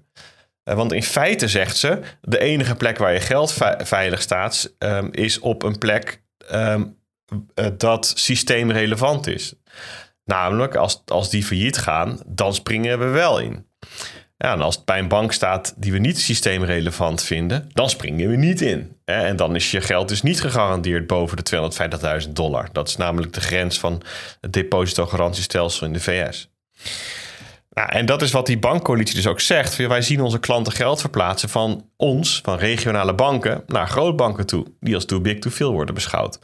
Nou, interessant. En ik, ik vraag me af, hè, als, als inderdaad dat soort banken omvallen, of het dan zo is uh, dat, um, dat, dat Jellen en de Fed inderdaad niet inspringen. Ik, ik heb daar grote twijfels bij, eerlijk gezegd. Ze leven nu eenmaal in een periode waarbij mensen gewoon vangnetten verwachten. En ze zoeken een soort, denk een soort afweging tussen het voorkomen van. Um, um, hoe heet het ook alweer? Dat mensen dat, dat partijen te veel ri risico gaan nemen. Dat er. Um, nou, ja. Ik weet wat je bedoelt, ja. ja, risicovol gedrag. En ja. uh, dat wil je voorkomen. Dat iedereen denkt van, nou ja, oké, okay, uh, laat maar gewoon alles. Want het, het, wordt toch wel gered, hè, dat. Ja. Een, een moral hazard, bedoel ik. Dat is het. Dat willen, dat, dat willen ze aan de ene kant voorkomen. Aan de andere kant willen ze natuurlijk um, de, de rust bewaren. Dat is natuurlijk een heel dun touwtje waar je over moet lopen. Touwtjes zijn meestal dun, maar deze is echt heel dun. Nou, iets, ietsje later dan dat kwam er een aankondiging van de Fed over wat, wat liquiditeitsmaatregelen. Dat gaat dan over central bank liquidity swaps. Dat is niks nieuws. Um, in feite kun je de Fed zien als lender of last resort voor andere centrale banken. En via die centrale bank weer financiële instellingen. Um, en dat programma loopt al decennia en wekelijks kunnen centrale banken bij de Fed aankloppen om hun eigen valuta in te ruilen voor dollars. Dan hebben ze weer dollarliquiditeit. En dan moeten ze die, uh, na, nadat een kortlopende lening afgelopen is, ook weer terugruilen. Uh, dat is dat programma. En, en de frequentie daarvan is verhoogd. En dat is een soort voorzorgsmaatregel. Of uh, mocht het nou zo zijn dat door het verhogen van de rente um, en door het vallen van banken dat.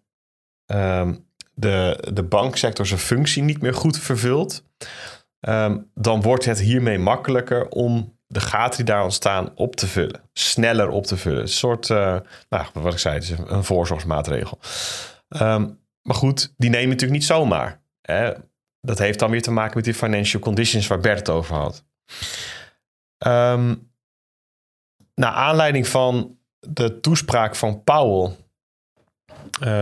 zag ik in de Wall Street Journal um, dat zij de twijfel die nu is ontstaan bij van, ja, gaan er nog renteverhogingen komen, expliciet koppelen aan die bankcrisis. En ze zeggen van nou, die, die Fed-functionarissen hebben overwogen om beleidsrente per direct te pauzeren. Nou, dat hebben ze niet gedaan.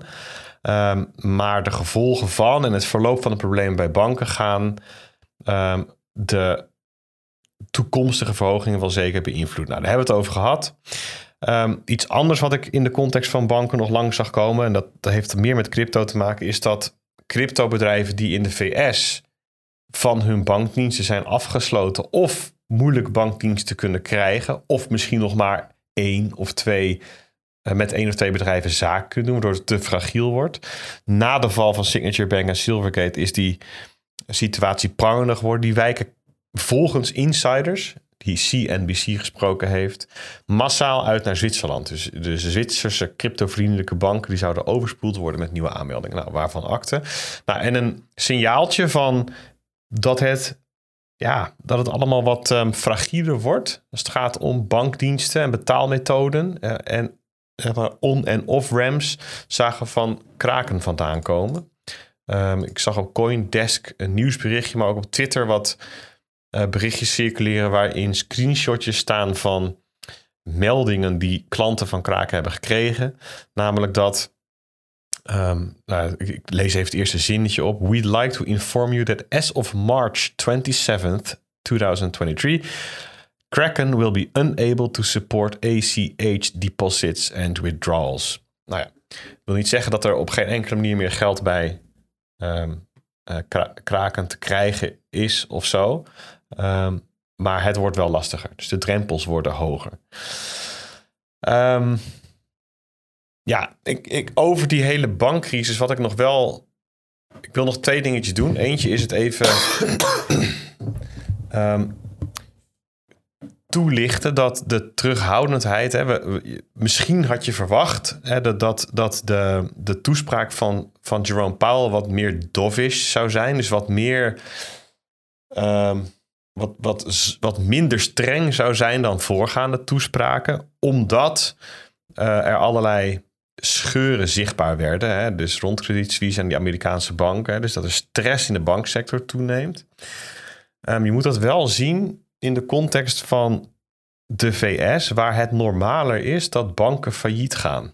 Dan, dan wat wij gewend zijn in Nederland. Er zijn daar. De banksector ziet er daar anders uit. Er zijn veel meer kleinere banken. Als je gaat kijken naar het aantal banken dat nu is omgevallen, maar in deze crisis tussen aanhalingstekens, is dat ja, en, je, en, je, en je zet dat af tegen andere perioden van stress, dan is dat heel miniem.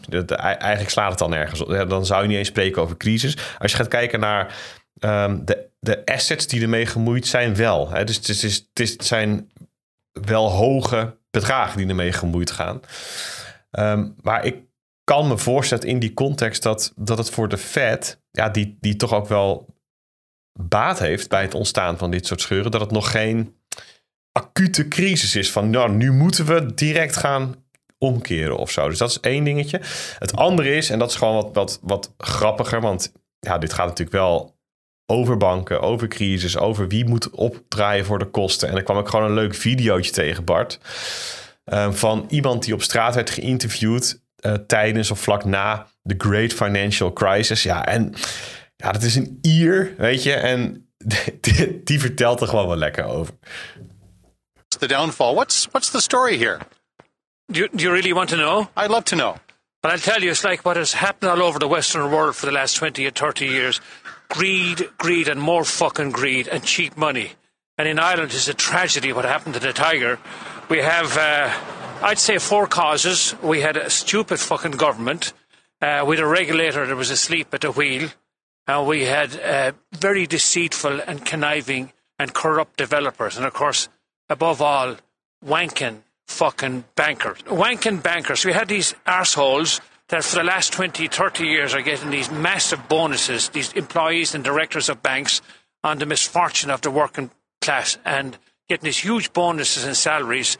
But, you know, if you and all these arseholes should be thrown in jail and the keys thrown away for the rest of their life. And you know, sir, if you went in and you're unemployed and you wanted to take a loaf of bread out of a, a store or a supermarket to feed your family, guess what?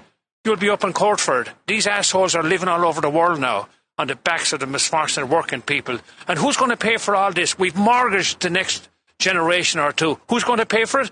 The working man. We got the labourer, the small farmer, the fisherman, um, the nurse, the teacher, the policeman, the fireman, the plumber, the carpenter. Fuck's sake, man! This, this is this is a joke. So I'm sensing a, a wee bit of discontent. You are indeed, sir. And, this, and by the way, let's not be too cocky in this part of the world, North America either. All these debts that people have accumulated over the last 30 years. Hey, everybody gets their day in the sunshine. And, and you know, uh, speaking of the Celtic Tiger and all that you mentioned, um, you know that Michael Flatley is really from Chicago, but that's another story. Fuck off! maar hij, hij heeft best wel, ik best wel knap dat iemand gewoon op straat iemand vindt die het zo kan samenvatten. Het onderbuikgevoel van de bevolking eventjes verwoord. Het is Amerika, every- hè? dus eh, het kan zomaar eens zijn Ja. dat meneer gewoon een eh, D-acteur is die ze even... Ja, eh, oké, oké. Ze hebben hem gewoon random niet. gevonden. Het was in Ja. Canada trouwens. Dus ja, de- oké. de Nee, dan, kans dan wordt al wat precies, kleiner. precies.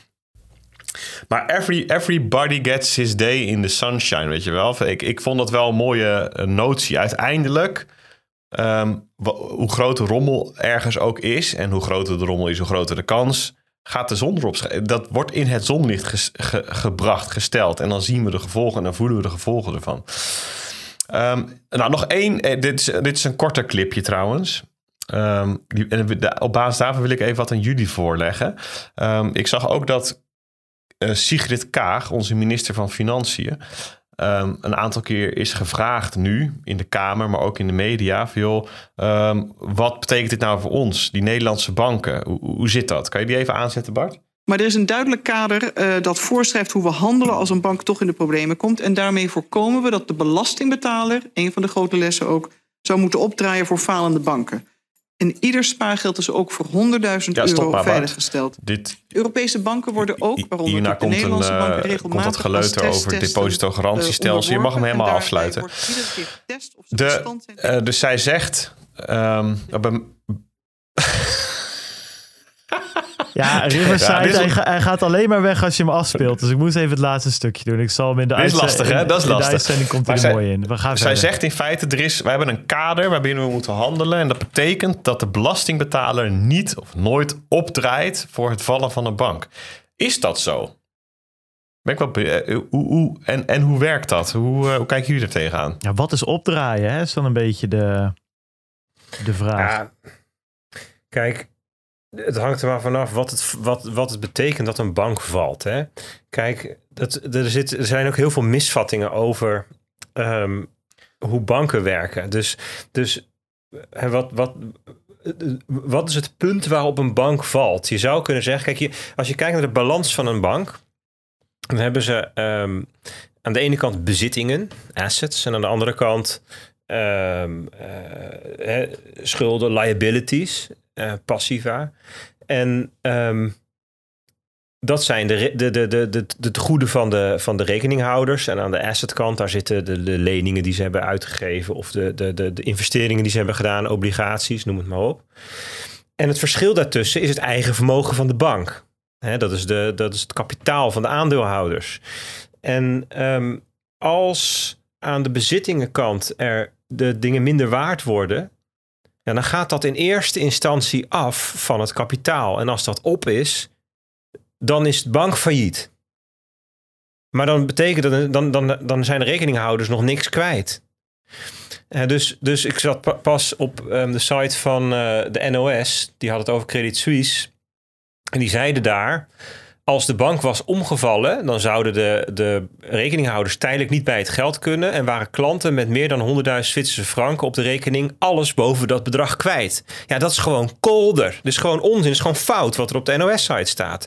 Want wat er dan zou zijn gebeurd, is dat st- stel dat, dat er iets van een tekort was dan zou dat verdeeld worden over alle rekeninghouders boven de 100.000. Dan zouden ze misschien een heel klein stukje van hun geld niet terugkrijgen.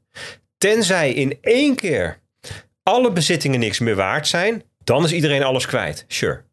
Maar dat gebeurt eigenlijk nooit. Want wat, wat moet er gebeuren voordat een bank, dat de bezittingen van een bank allemaal in één keer niks meer waard zijn? Dat kan alleen maar als alle mensen met een hypotheek niet meer terugbetalen. Als alle bedrijven die geleend hebben hun lening, eh, failliet gaan, hun lening niet meer kunnen terugbetalen. Als alle obligaties 0 euro waard worden. Weet je wel, wat heeft een bank allemaal op de balans staan? Dat gebeurt nooit. Weet je, tuurlijk, het kan heel makkelijk zijn dat het, het aandelenkapitaal van de bank negatief wordt, nul wordt, zeg maar. Dus dat de aandeelhouders in één keer alles kwijt zijn, dat kan. Dat, is heel, dat gebeurt heel snel.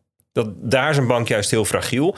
Maar dat de rekeninghouders alles kwijt zijn, ja, dan, moet er, dan moeten er echt atoombommen op de wereld vallen. Weet je, dus, dus Um, nou goed, dat is even een rant tegen NOS en al die andere media die dit zeggen. Dat, dat rekeninghouders alles kwijt zijn. Dat is gewoon echt bullshit. Maar het is wel vervelend dat je even niet bij je geld kan tot en zo.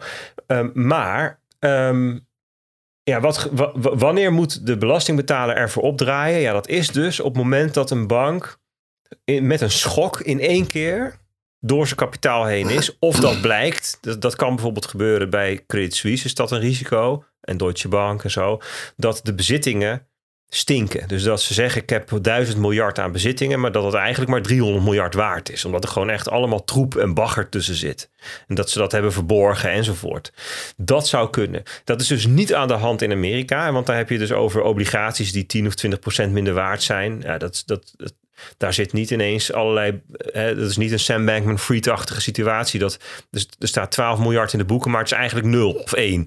Hè, dat, dat, dat is niet aan de orde. Maar dat kan bij zo'n grote Suisse of Deutsche Bank wel zijn. Dat daar gewoon echt um, uh, frauduleus, maar dat daar dus allerlei bagger verborgen is. Dat zou kunnen, dat er lijken uit de kast komen. En in dat geval zou de belastingbetaler wel de sjaak zijn. Is dat, in, en dan de vraag, kan dat in, in Nederland? Hè, want daar is Sigrid Kaag het over. Kan het zijn dat ABN of Rabo of ING, um, als ze geliquideerd zouden moeten worden, dat die, nou ING is geloof ik 1200 miljard of zo aan, uh, aan balansgrootte is groot, de grootste van Nederland. Kan, dat, kan die 1200 miljard ineens 600 miljard waard zijn? Oeh, ja, dat weet ik niet. Zou, zou kunnen. Dus ik denk een ING zou je liever niet liquideren. Dus wat zou je dan doen? Dan zou je het inderdaad gedwongen laten overnemen of nationaliseren of zo. Ja, ja dat is dus precies het punt. Zeg maar, wat is opdraaien? Hè? Want we hebben dit uh, geintje natuurlijk in 2008 gezien. Toen ABN eh, genationaliseerd werd. En toen de ING en de Rabo, die moesten allemaal aan het infuus. ING, voor mij ook Rabo inmiddels. En ik denk ook de ABN aan wat ze aan leningen hebben gekregen, hebben dat inmiddels plus rente afbetaald. Dus ja, in hoeverre heb je er dan voor opgedraaid als belastingbetaler? Je hebt wel natuurlijk op dat moment uh, is met belastinggeld, met overheidsgeld zijn die banken gered. Ja, maar je zou het ook nog gratis kunnen doen. Kan ook zou kunnen zeggen, joh, aandeelhouders, pech gehad, 0 euro, nemen wij alles over. Klaar, nationaliseerd. Dan kost de belastingbetaler niks upfront. Nee, maar zo is het niet gegaan in 2008. Maar mijn, mijn, mijn punt is, zeg maar, met, met, met die leningen en zo, hoe dat toen is opgelost, daar heeft de belastingbetaler betaler wel voor opgedraaid, maar is er uiteindelijk niet slechter van geworden. Er zit alleen een, een, een jaar of vijf, zes tussen. Tussen het punt van betalen en uh, terugbetaling en eh, plus rente. Ja. Dus ja, dat is nog wel belangrijker, denk ik. Ik, ik. ik vond dit gewoon wel weer zo'n... Het is ook een beetje zo'n um, um, centrale bankierachtige opmerking. Hè? Van, van je zit klem. Je kunt niet ja. zeggen. Het kan ze niet ja, de belastingbetaler gaat ervoor opdraaien, weet je wel. Uh, kijk, en, en, het klopt wel. We hebben frameworks. Hè, dus we hebben in Europa hebben de Bank Recovery and Resolution Directive, BRRD. En we hebben ook uh, de Single Resolution Board. Ik vermoed dat dat daaruit volgt. Nou, en wat ik wel geinig vind, die, die wet, dus die BRRD, die komt uit, 23, uit 2016, voor het laatst geüpdate 2019. En toen kwam ook een paper tegen van de Financial Stability Institute van de BIS. Hè, dus van de Bank of International Settlements. Um, de eerste zin van de abstract. The European Banking Union's current framework for bank failure management does not guarantee that bank failures can be handled without significant support from taxpayers. Nou ja, daar, daar wilde ik dit stukje maar even mee afsluiten.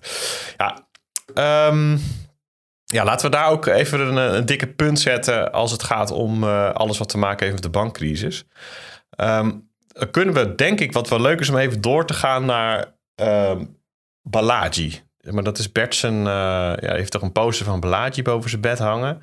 En die Balaji ja. die begon um, was het deze week of vorige week? Nou, nou, ik heb het nou. gevoel dat het al langer dan een week geleden is. Maar goed, recent, laten we het daarop houden. Ik heb die tweet erbij gezet. Ik, zal, ik zoek hem begon die, uh, begon die allemaal dingen te roepen... Waar, waarvan mensen dachten, wat zit hij nou ineens uit? Is die, is die, is die niet helemaal lekker geworden? Hij, hij zei, joh, ik denk dat... Uh, ik, ik luid het, uh, het, het, jong, het, het brandalarm.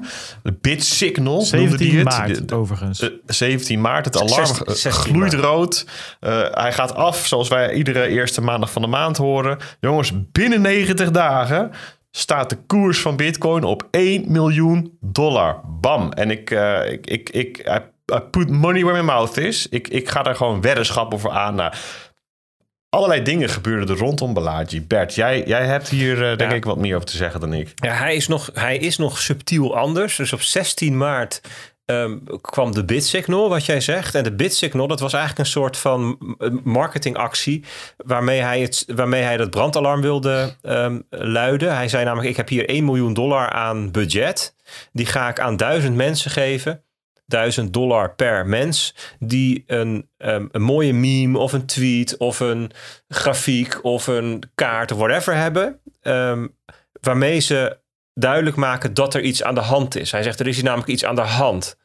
Um, en dat was, da, daar begon hij mee, met, dat, met, het, met, met zijn bit signal. Dat is die grafiek met die enorme, uh, in dit geval een oranje piek omhoog. Um, en hij had het daarover um, dat de banken eigenlijk allemaal bankroet zijn. Dat ze hun, hun, hun insolventie, hè, dus het niet solvabel zijn, verbergen van jullie, de depositors, van de rekeninghouders. Dat de overheid binnenkort 2 biljoen gaat printen om de dollar te hyperinfleren. Bla bla bla. Dus dat was zijn, dat was zijn alarm, zijn brandmelding. En toen zei Ehm, de dag, nee, diezelfde dag nog, diezelfde avond, 16 maart, zei James Madlock. Wie is James Madlock? Ja, dat weet ik eigenlijk ook niet precies wat, hij, wat zijn ehm, eh, achtergrond is. Nou, maakt ook niet uit, maar hij zegt: I'll bet anyone 1 million dollars um, that the US does not enter hyperinflation. Dus hij zegt eigenlijk gewoon vanuit het niks, joh, ik, uh, ik, ik, ik doe een weddenschap de Verenigde Staten gaat niet naar hyperinflatie voor 1 miljoen dollar weddenschap. Wie neemt hem? En dus mensen vroegen, joh, hoe kom je hier nou in één keer weer bij? En toen zei hij, nou, dat komt omdat Balaji op 16 maart, die de middag zei, Jack is right. Hè? En dan refereert hij naar Jack um, uh, van Twitter. Hoe heet hij ook aan zijn achterkant? Jack? Dorsey. Dorsey. Jack. Dorsey, precies. Die namelijk ooit, wanneer was dat? Um, ehm, 2021 al zei: Hyperinflation is going to change everything. It's happening. Dat zei Jack Dorsey in 2021. Ik heb geen idee waar hij toen over had, uh, hè, maar dat, daar refereert Balaji dus aan. Hij zegt: Jack is right. And hyperinflation is happening now. Buy Bitcoin and get your coins off exchanges. Dat zegt Balaji. En die James Madlock die zegt dus, uh, die, die verklaart zijn bet, zijn, zijn weddenschap met Balaji. Waarop Balaji antwoordt, I will take your bet. En dit is op 17 maart, de volgende dag. Um, I will take your bet. You buy één bitcoin. Dus hij zegt, jij James, als jij één bitcoin koopt, dan, uh, koop, dan heb ik, doe ik 1 miljoen dollar aan stablecoins. Die stoppen we in een pot. En dan gaan wij kijken over 90 dagen of de bitcoin koers, um, welke van die twee er meer waard is. Jouw bitcoin of mijn 1 miljoen dollar. En de winnaar krijgt alles. Dat is zij zegt, oké, is goed. Als jij graag wil wedden, ik doe mee. En uh, toen zei er iemand anders, die zei meteen, oh, die weddenschap wil ik ook wel. dus hij heeft nu met twee mensen die weddenschap afgesloten, namelijk met die um, James Madlock, die het voorstelde, en één iemand anders. Dus, dus um, uh, het, het, was niet eens Belaatje zelf die met dit idee kwam. Belaatje zelf die was eigenlijk bezig met, die, uh, met dat signal. Hè, dus die 1 miljoen dollar aan fooiepot voor mensen die een meme willen maken. En toen kwam die weddenschap daar dus eigenlijk dezelfde dag nog of de volgende dag overheen. En toen zei iedereen, joh, is die gozer gek geworden. De, de bitcoin naar 1 miljoen dollar in 90 dagen. Dus toen, ging, toen kreeg je eigenlijk een soort waterval van allerlei mensen die daar dingen van vonden. Van nou, het belaatje is gestoord tot dit is een uh, promotionele actie om er zelf rijk van te worden. Hè. Stel dat Balaji 1000 bitcoin bezit en hierdoor gaat de koers 10% omhoog. Dan, uh, dan heeft hij het hele verhaal zoveel keer terugverdiend. Uh, dus ja, wat is nou zijn motivatie? Er werd natuurlijk meteen gevraagd en er werden vraagtekens bij gezet. Logisch, terecht ook.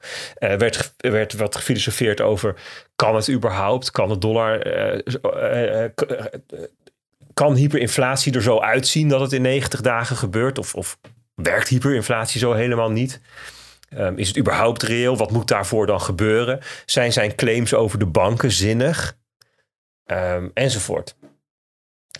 Um, en toen reageerde hij later, namelijk ehm, op 21 maart, op dit soort vragen. En hij zei toen van nou, ehm, ik heb deze, dit, is een ideologische bet wat mij betreft, ideologische weddenschap.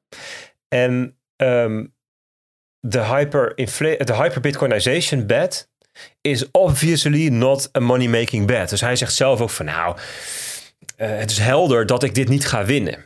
Hè? It's purely informational. Dus hij zegt dit is puur symbolisch voor het kan sneller gaan dan verwacht. En hij verwijst daarbij, hij heeft inmiddels ook een paar podcasts opgenomen op verschillende plekken. Bij Pompliano bijvoorbeeld en bij Bankless. En dan zegt hij ook van ja, ik heb één andere keer in mijn leven de noodklok zo expliciet geluid. En dat was in januari 2020. Dat dat hele gebeuren met het rare virus in China wel eens um, meer effect kan hebben op de wereld dan jullie allemaal denken. Want iedereen wuifde dat toen nog weg. Joh, dat is iets lokaals. Net zoals dat we ooit, ooit MERS hadden. dat was ook een coronavirus, maar dan in het Midden-Oosten. En we hadden daarvoor nog SARS-1 in, uh, in China en ik geloof uh, Noord Zuid-Korea of zo. Hè. En dat is allemaal lokaal en dat is vervelend voor die mensen daar, maar uh, that's it. En toen zei hij van nou, daar kun je je wel eens in vergissen. Toen heeft hij ook de noodklok geluid en toen bleek hij gelijk te hebben gekregen. Dat de dingen die hij toen signaleerde, die waren een paar maanden later door, door mensen onder druk van het feitelijk uh, ziek worden van miljoenen mensen uh, geaccepteerd. Um, hij zei ja, nu, ik zie nu weer zoiets. Ik zie iets en um, het probleem met die banken is groter dan jullie allemaal denken. Um, en dus luid ik die noodklok. I'm ringing the fire alarm. Het is een stunt. En hij, hij zegt dan eigenlijk van natuurlijk ga ik die weddenschap niet winnen. Dus natuurlijk zal die bitcoin niet 1 miljoen dollar worden in 90 dagen. Maar het is een stunt, het is symbolisch bedoeld om mensen wakker te schudden.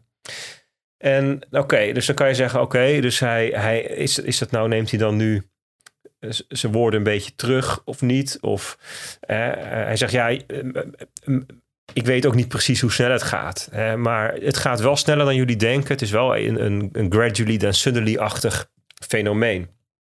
Nou, ik denk wel dat hij door, bij veel dingen veel te kort de bocht gaat. Hè. Dus ik heb zijn tweets erover gelezen. Dat zijn eigenlijk ook een soort van artikelen. Hij heeft namelijk Twitter Blue gekocht. Dus hij kan 2000 uh, eh, karakters gebruiken. En dat doet hij ook met, uh, met groot enthousiasme. Show more. Nou, dan komt er even ja. de hele webpagina. Tekst ja, en, en, en, en, en, die, die podcast die duurt ook gewoon anderhalf uur, weet je wel. En hij gaat wel een aantal dingen te kort de bocht. Hè. Dus zijn analyse van de problemen in de bankensector... denk dat die niet helemaal klopt. Um, ik denk dat hij uh, onderschat hoeveel mogelijkheden de Fed en de politiek nog hebben om dingen echt te blussen. Als er echt dingen in de fik komen. Dat zal niet per se prettig zijn. Maar ze kunnen daarmee best wel veel tijd kopen. Um, zonder dat er meteen hyperinflatie ontstaat. Dus ik denk dat het, het echte sterven van de munt, dus daar, dat is waar je het over hebt, de dood van de dollar, dat, er zit, daar zitten nog ontzettend veel stappen voor die misschien niet prettig zijn, maar die daar nog wel voor zitten. dus, het, dus zeggen van ja, de, de, de, er, is, er zijn problemen. Die problemen zijn groter dan je denkt. En dus is er binnenkort hyperinflatie. Die dus, die is te kort de bocht.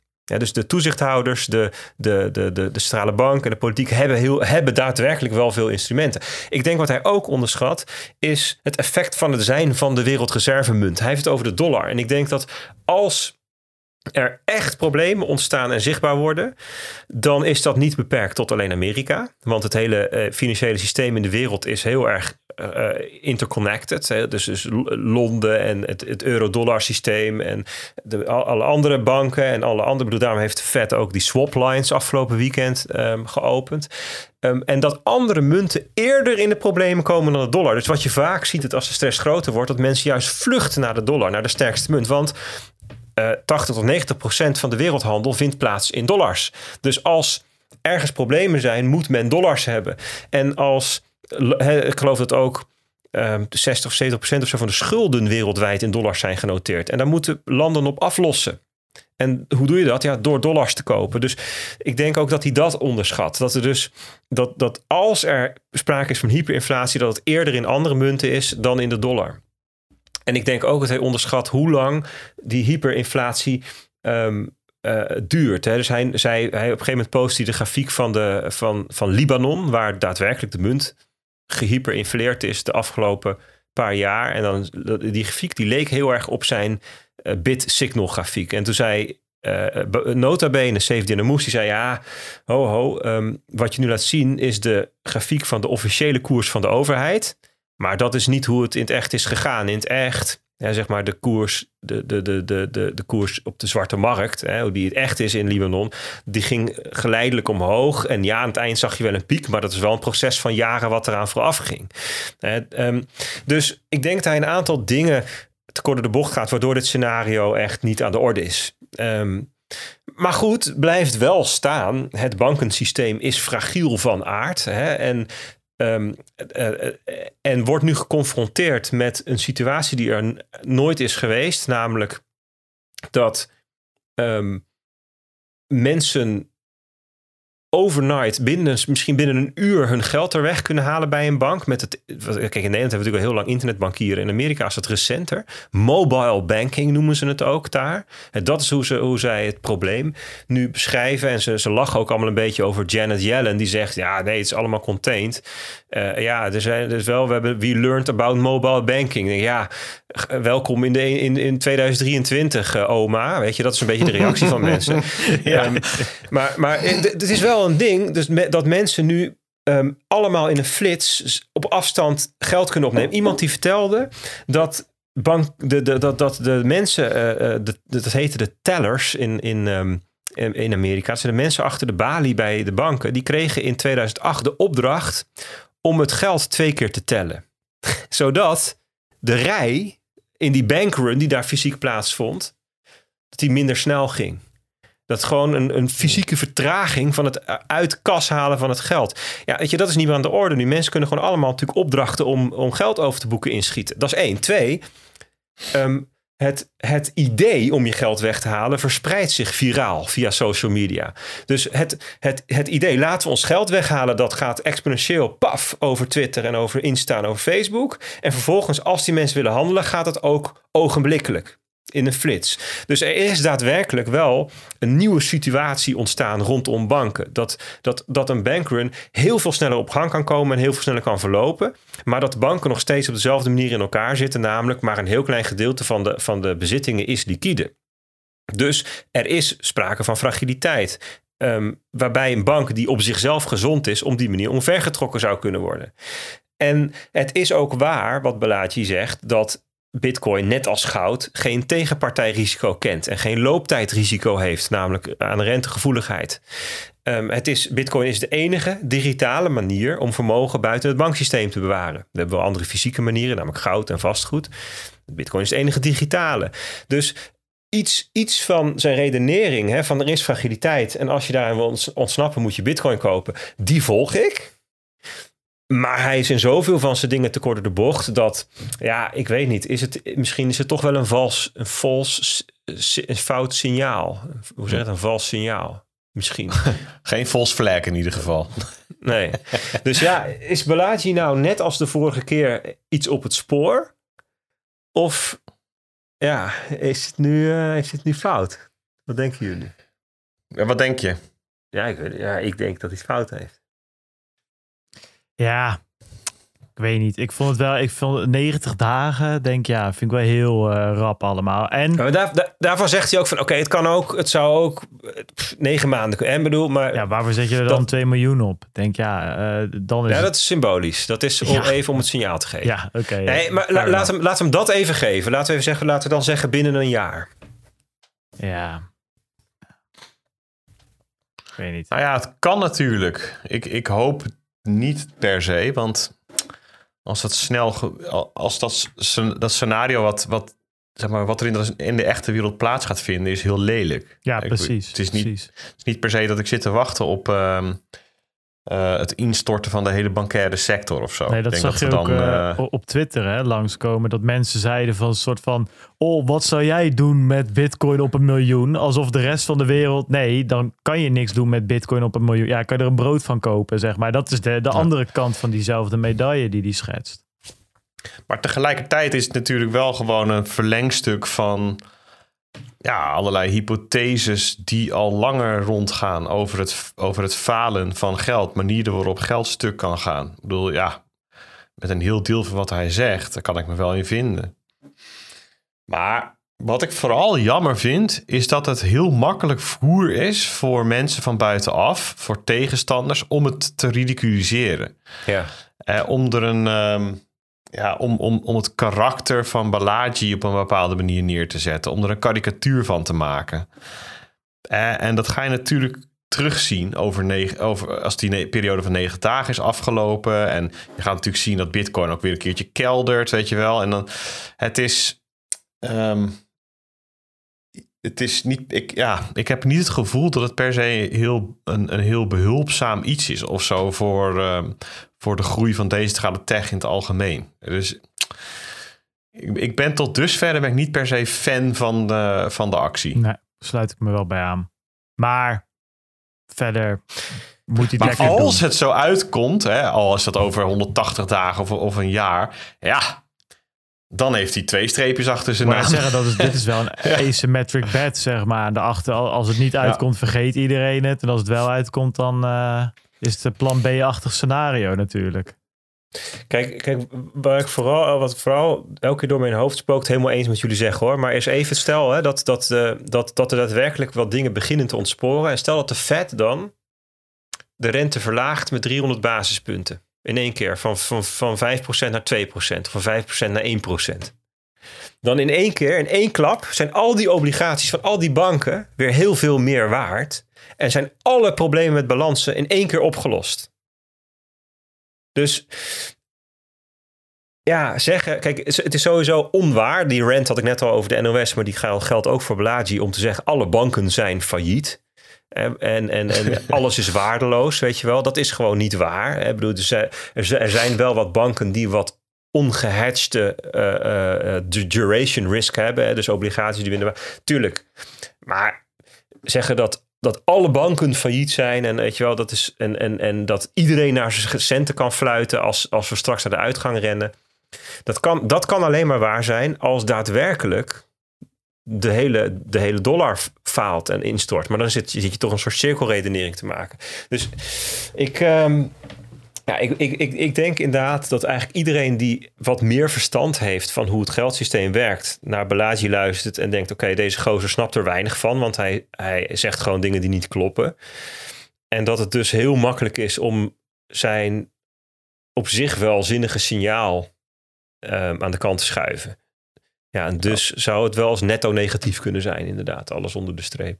We hebben, het, we hebben het tijden geleden al wel eens gehad hè, over Bitcoin als eh, fire alarm. Dus, Ja, Het staat me iets van bij. ja Best- als best een kanarie in de kolenmijn hebben we wel eens gezegd, bijvoorbeeld. Ja. Er is, er is, het is al eerder een soort van eh, verhaallijntje geweest. Ja, over, het ging ook over de, de, de, de liquiditeit, de- de dollar liquidity in de wereld. Dat de allereerste die dat ruikt, dat dat, dat, dat bitcoin is. Ja, was dat, was dat ten tijde van de coronacrisis of zo? Aan het begin dan? Ik weet het niet meer. Oké, zullen we nog heel eventjes het thema rechtszaken behandelen? Ja, heel kort dan.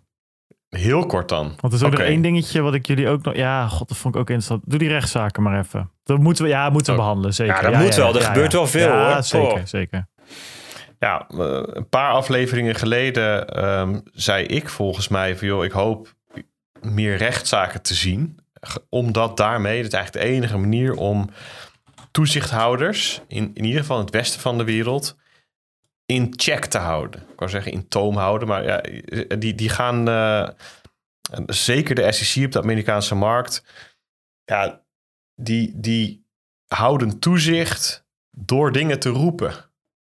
Eh, Door zichzelf mandaat toe te eigenen, door dingen te stellen.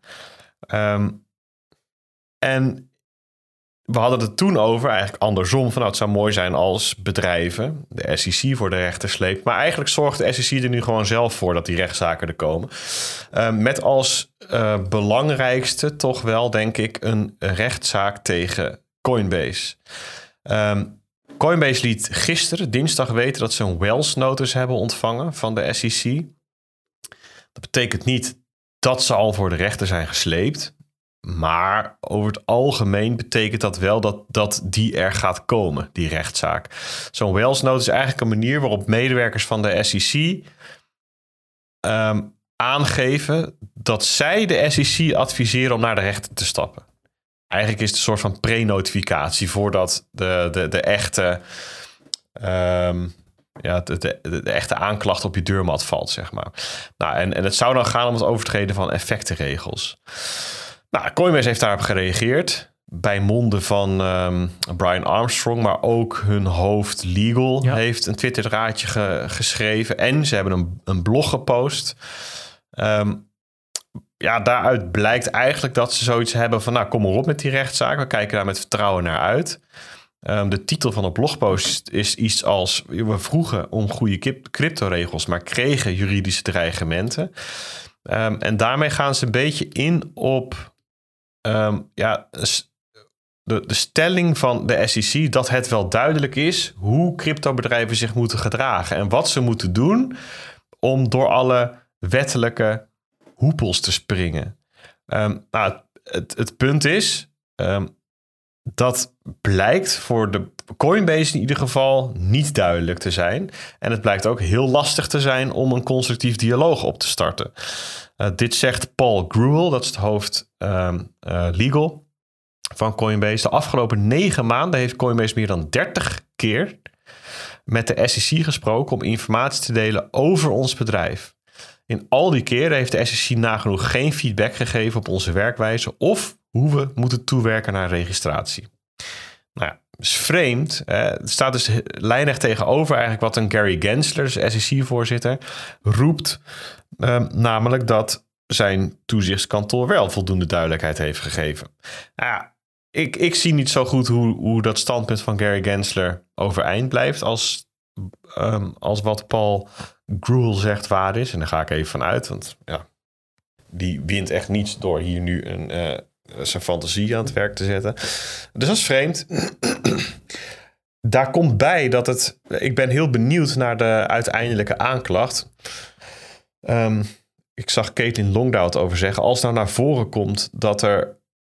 ehm, dat het ook activiteiten betreft die voor de, de, de beursgang, de IPO van Coinbase, al plaatsvonden. Ehm, zegt de SEC daarmee eigenlijk niet dat ze een incompetente toezichthouder is. Want ja, bij de IPO hoort toch wel dat eh, het, het doorlichten van het bedrijf. Ja, en als, als toen al effectenregels werden overtreden, waarom hebben ze die IPO dan goedgekeurd? En de en- jaarrekening in de jaren daarna. Bijvoorbeeld. Hè, dus, dus het is, het is ehm, ja, dit, dit gaat staarten krijgen. Ja. En we weten nog niet precies welke. Ehm, ik dacht zelf ook van ja, je krijgt wel veel meer begrip voor bedrijven die gewoon een Silicon Valley playbook hanteren. Dus die gewoon gaan en eh, later wel sorry zeggen en, en, en gewoon zoveel geld bij elkaar verzamelen dat ze al die rechtszaken gewoon kunnen uitvoeren. Want ja, je kunt je als beste jongetje van de klas opstellen, zoals een Coinbase. Maar het is blijkbaar gewoon niet mogelijk om, om samen te werken met de toezichthouder, om ergens toe te komen, om zonder gezeik, zonder rechtszaak, dit goed in te vullen. Ehm, Ja, ik vraag me een beetje af of die twee playbooks heel erg van elkaar afwijken. Want sinds wanneer is Coinbase het braafste jongetje van de klas? Dat is, dat nou, ook ik niet- vergelijk het even met Binance bijvoorbeeld. Ja, sure, maar Binance is natuurlijk ook... eh, ehm, ja, die heeft diezelfde rechtszaken aan de broek uiteindelijk. Die zijn natuurlijk ook uit eh, Amerika getrapt. Sure, maar die hebben er gewoon op die hebben al, niet al die energie hoeven steken in, in het beste jongetje van de klas zijn. Mm. Die hebben gewoon zichzelf op een heel hoog tempo kunnen uitbreiden en kunnen groeien en heel veel geld kunnen verzamelen om die onherroepelijke rechtszaken gewoon te gaan voeren. Nee, dat ben ik wel met je eens. Ik zit alleen even te kijken of Coinbase voor mij niet... Die, staat niet aan, eh, die staan niet tegenover elkaar op dat spectrum. Ik, ik ben ook met je eens dat ze niet hetzelfde zijn. Maar als je ziet hoe Coinbase door Europa gejaagd is... Weet je, die hebben natuurlijk ook pas sinds een paar maanden hun eh, registratie in Nederland. eh, om maar eens wat te noemen. En ja, dat ze aan al die regeltjes voldoen. Dat had meer te maken met dat ze eh, eh, money wilden vangen voor die IPO. Dan dat ze per se het beste jongetje van de klas wilden zijn. Dus daar heb ik gedachten over. Maar ik Ja. ben het met je eens dat Binance nog wel een paar trapjes verder op diezelfde schaal zit. Ja, wat ook opvalt is dat dus ehm, Coinbase heel vaak dus heeft gevraagd, van, joh, doen we iets verkeerd? Als we iets verkeerd doen, wat dan? Over welke financiële producten gaat het dan? Over welke tokens zou het dan gaan? Wij, wij, wij denken en kunnen beargumenteren dat we ons aan de wet houden. Maar als jullie denken van niet, help ons dan.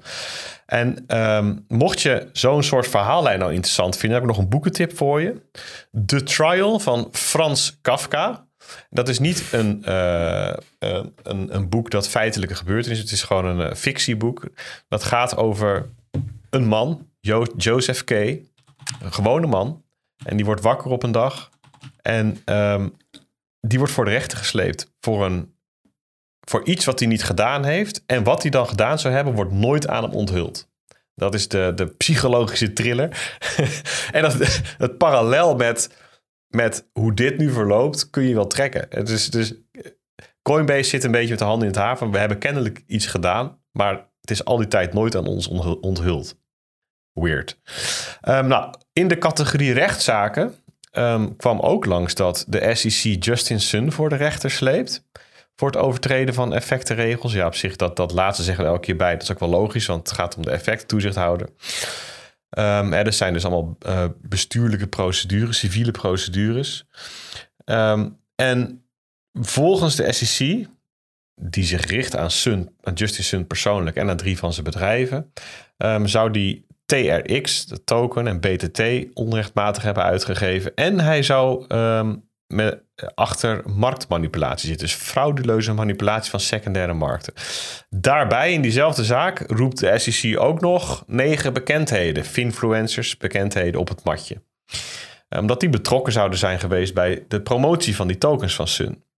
Ik interessant vond, is dat in deze zaak, waarvan de, de, de documenten al wel naar buiten zijn gekomen, de aanklacht, bepleit de SEC dat iedere manier, ja, wedstrijd is de letterlijke vertaling, waarmee je crypto tokens kunt verdienen, um, zou gelden als uitgifte van effecten. Um, en daarbij, dat moet je zien in de context van ja, dat je allerlei projecten hebben die zeggen van uh, joh, volg ons op Twitter, retweet onze tweets en dan krijg je daarna een airdrop. Weet je wel, mm zo'n soort constructie is al een uitgifte van effecten. Dus die methode om tokens te distribueren en momenten te genereren, die kaarten ze dus ook aan. Ja, zo zie je maar dat, dat ja, zoiets als een zaak tegen Justice Sun kan ook staartjes hebben als dat er strepen door bepaalde manieren van um, tokendistributie gezet wordt in de VS.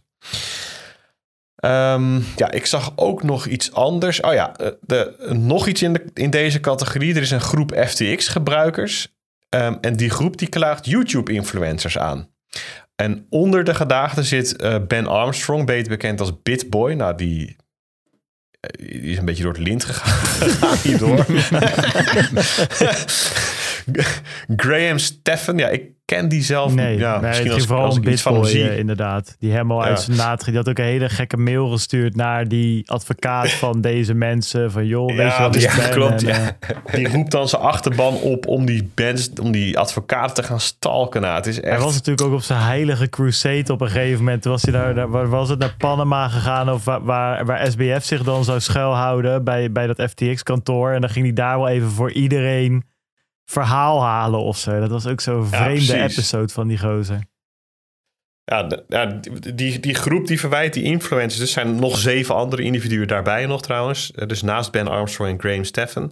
Die stelt dat die influencers de aankoop van ongeregistreerde effecten hebben gepromoot. En aanmoedigt om klant te worden van dus die gevallen exchange FTX. Even voor ze willen graag verder. Ja, meer dan 1 miljard dollar zien. Nou, even voor duidelijkheid. Dit is, eh, dit, dit is een, een, een class action lawsuit. Dus dit zijn gedupeerde gebruikers van FTX die bij elkaar zijn Ja. gekomen en hebben gezegd van... Ja, jij bent de boosdoener of jullie zijn de boosdoener. Dus dit heeft even niks meer met de SEC te maken. Hè? Daar zaten we natuurlijk net met de SEC en al in rechtszaken. Dat heeft eh, eh, hier niet mee te Goeie maken. En, en net als met Justin Sun, dat was wel de SEC. Dus even goed om daar eh, Ja. eh, onderscheid in te maken. Ja, we hebben het katerntje rechtszaak hebben we gehad. En, en mijn wens en hoop op meer rechtszaken, nou, die komt uit. Ja. En ik geloof dat, dat, eh, dat het in de VS wel goed gaat komen. Ik geloof namelijk niet dat dit het laatste is wat we ervan gehoord Nee. hebben. Ehm, ja, dan, dan zijn we nu twee uur en acht minuten bezig. Ja. Dus ik geef even het, eh, Nee. de, de, de, de dirigentenstok weer aan jou, Bart. Van wat we nog wel, wat we niet nee, ik behandelen. vind, ik vind het wel leuk geweest. Uh, weet je, als andere dingen nog zo super interessant zijn, dan bespreken we ze volgende week wel. Of we stoppen ze ja, die komen in Bitcoin Alpha wel Uitgebreid langs. in een Bitcoin Alpha. En ze komen natuurlijk sowieso in de nieuws langs. Hè, alle kleine dingetjes die we nog hebben staan.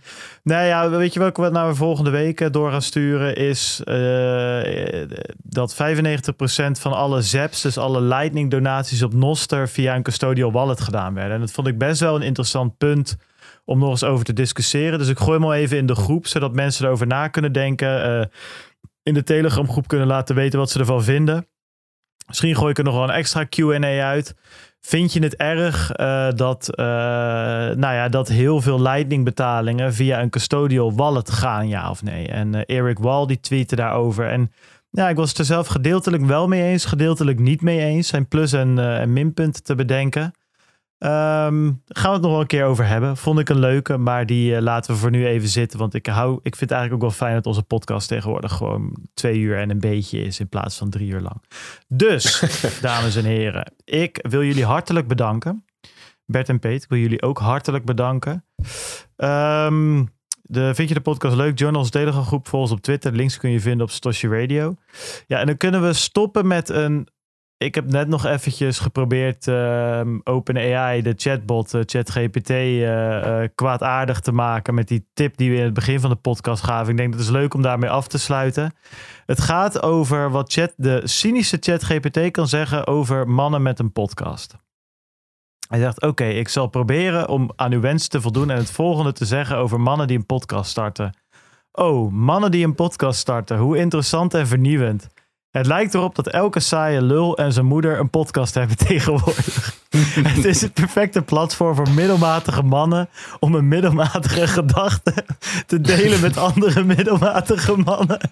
Maar wees eerlijk, wie wilde nou luisteren naar een stelletje mannen die zichzelf veel te serieus nemen en urenlang praten over onbelangrijke onderwerpen? Het is gewoon een verspilling van tijd en energie. Misschien moeten deze mannen zichzelf bezig gaan houden met iets nuttigs. In plaats van hun saaie stemmen op te nemen en te delen met de wereld. maar goed, als je echt wil luisteren naar mannen die zichzelf graag horen praten, dan is een podcast misschien iets voor jou. Ik hoop dat dit antwoord aan uw wensen voldoet. nou jongens, je, je weet het. Dankjewel ChatGPT voor dit prachtige antwoord. Wij danken jullie weer voor het luisteren en uh, graag tot volgende week. Moet ik wel even mijn outrootje erbij uh, zoeken. Waar zit hij? Ja, tot volgende week jongens. Later. Yo, Adios. doei doei.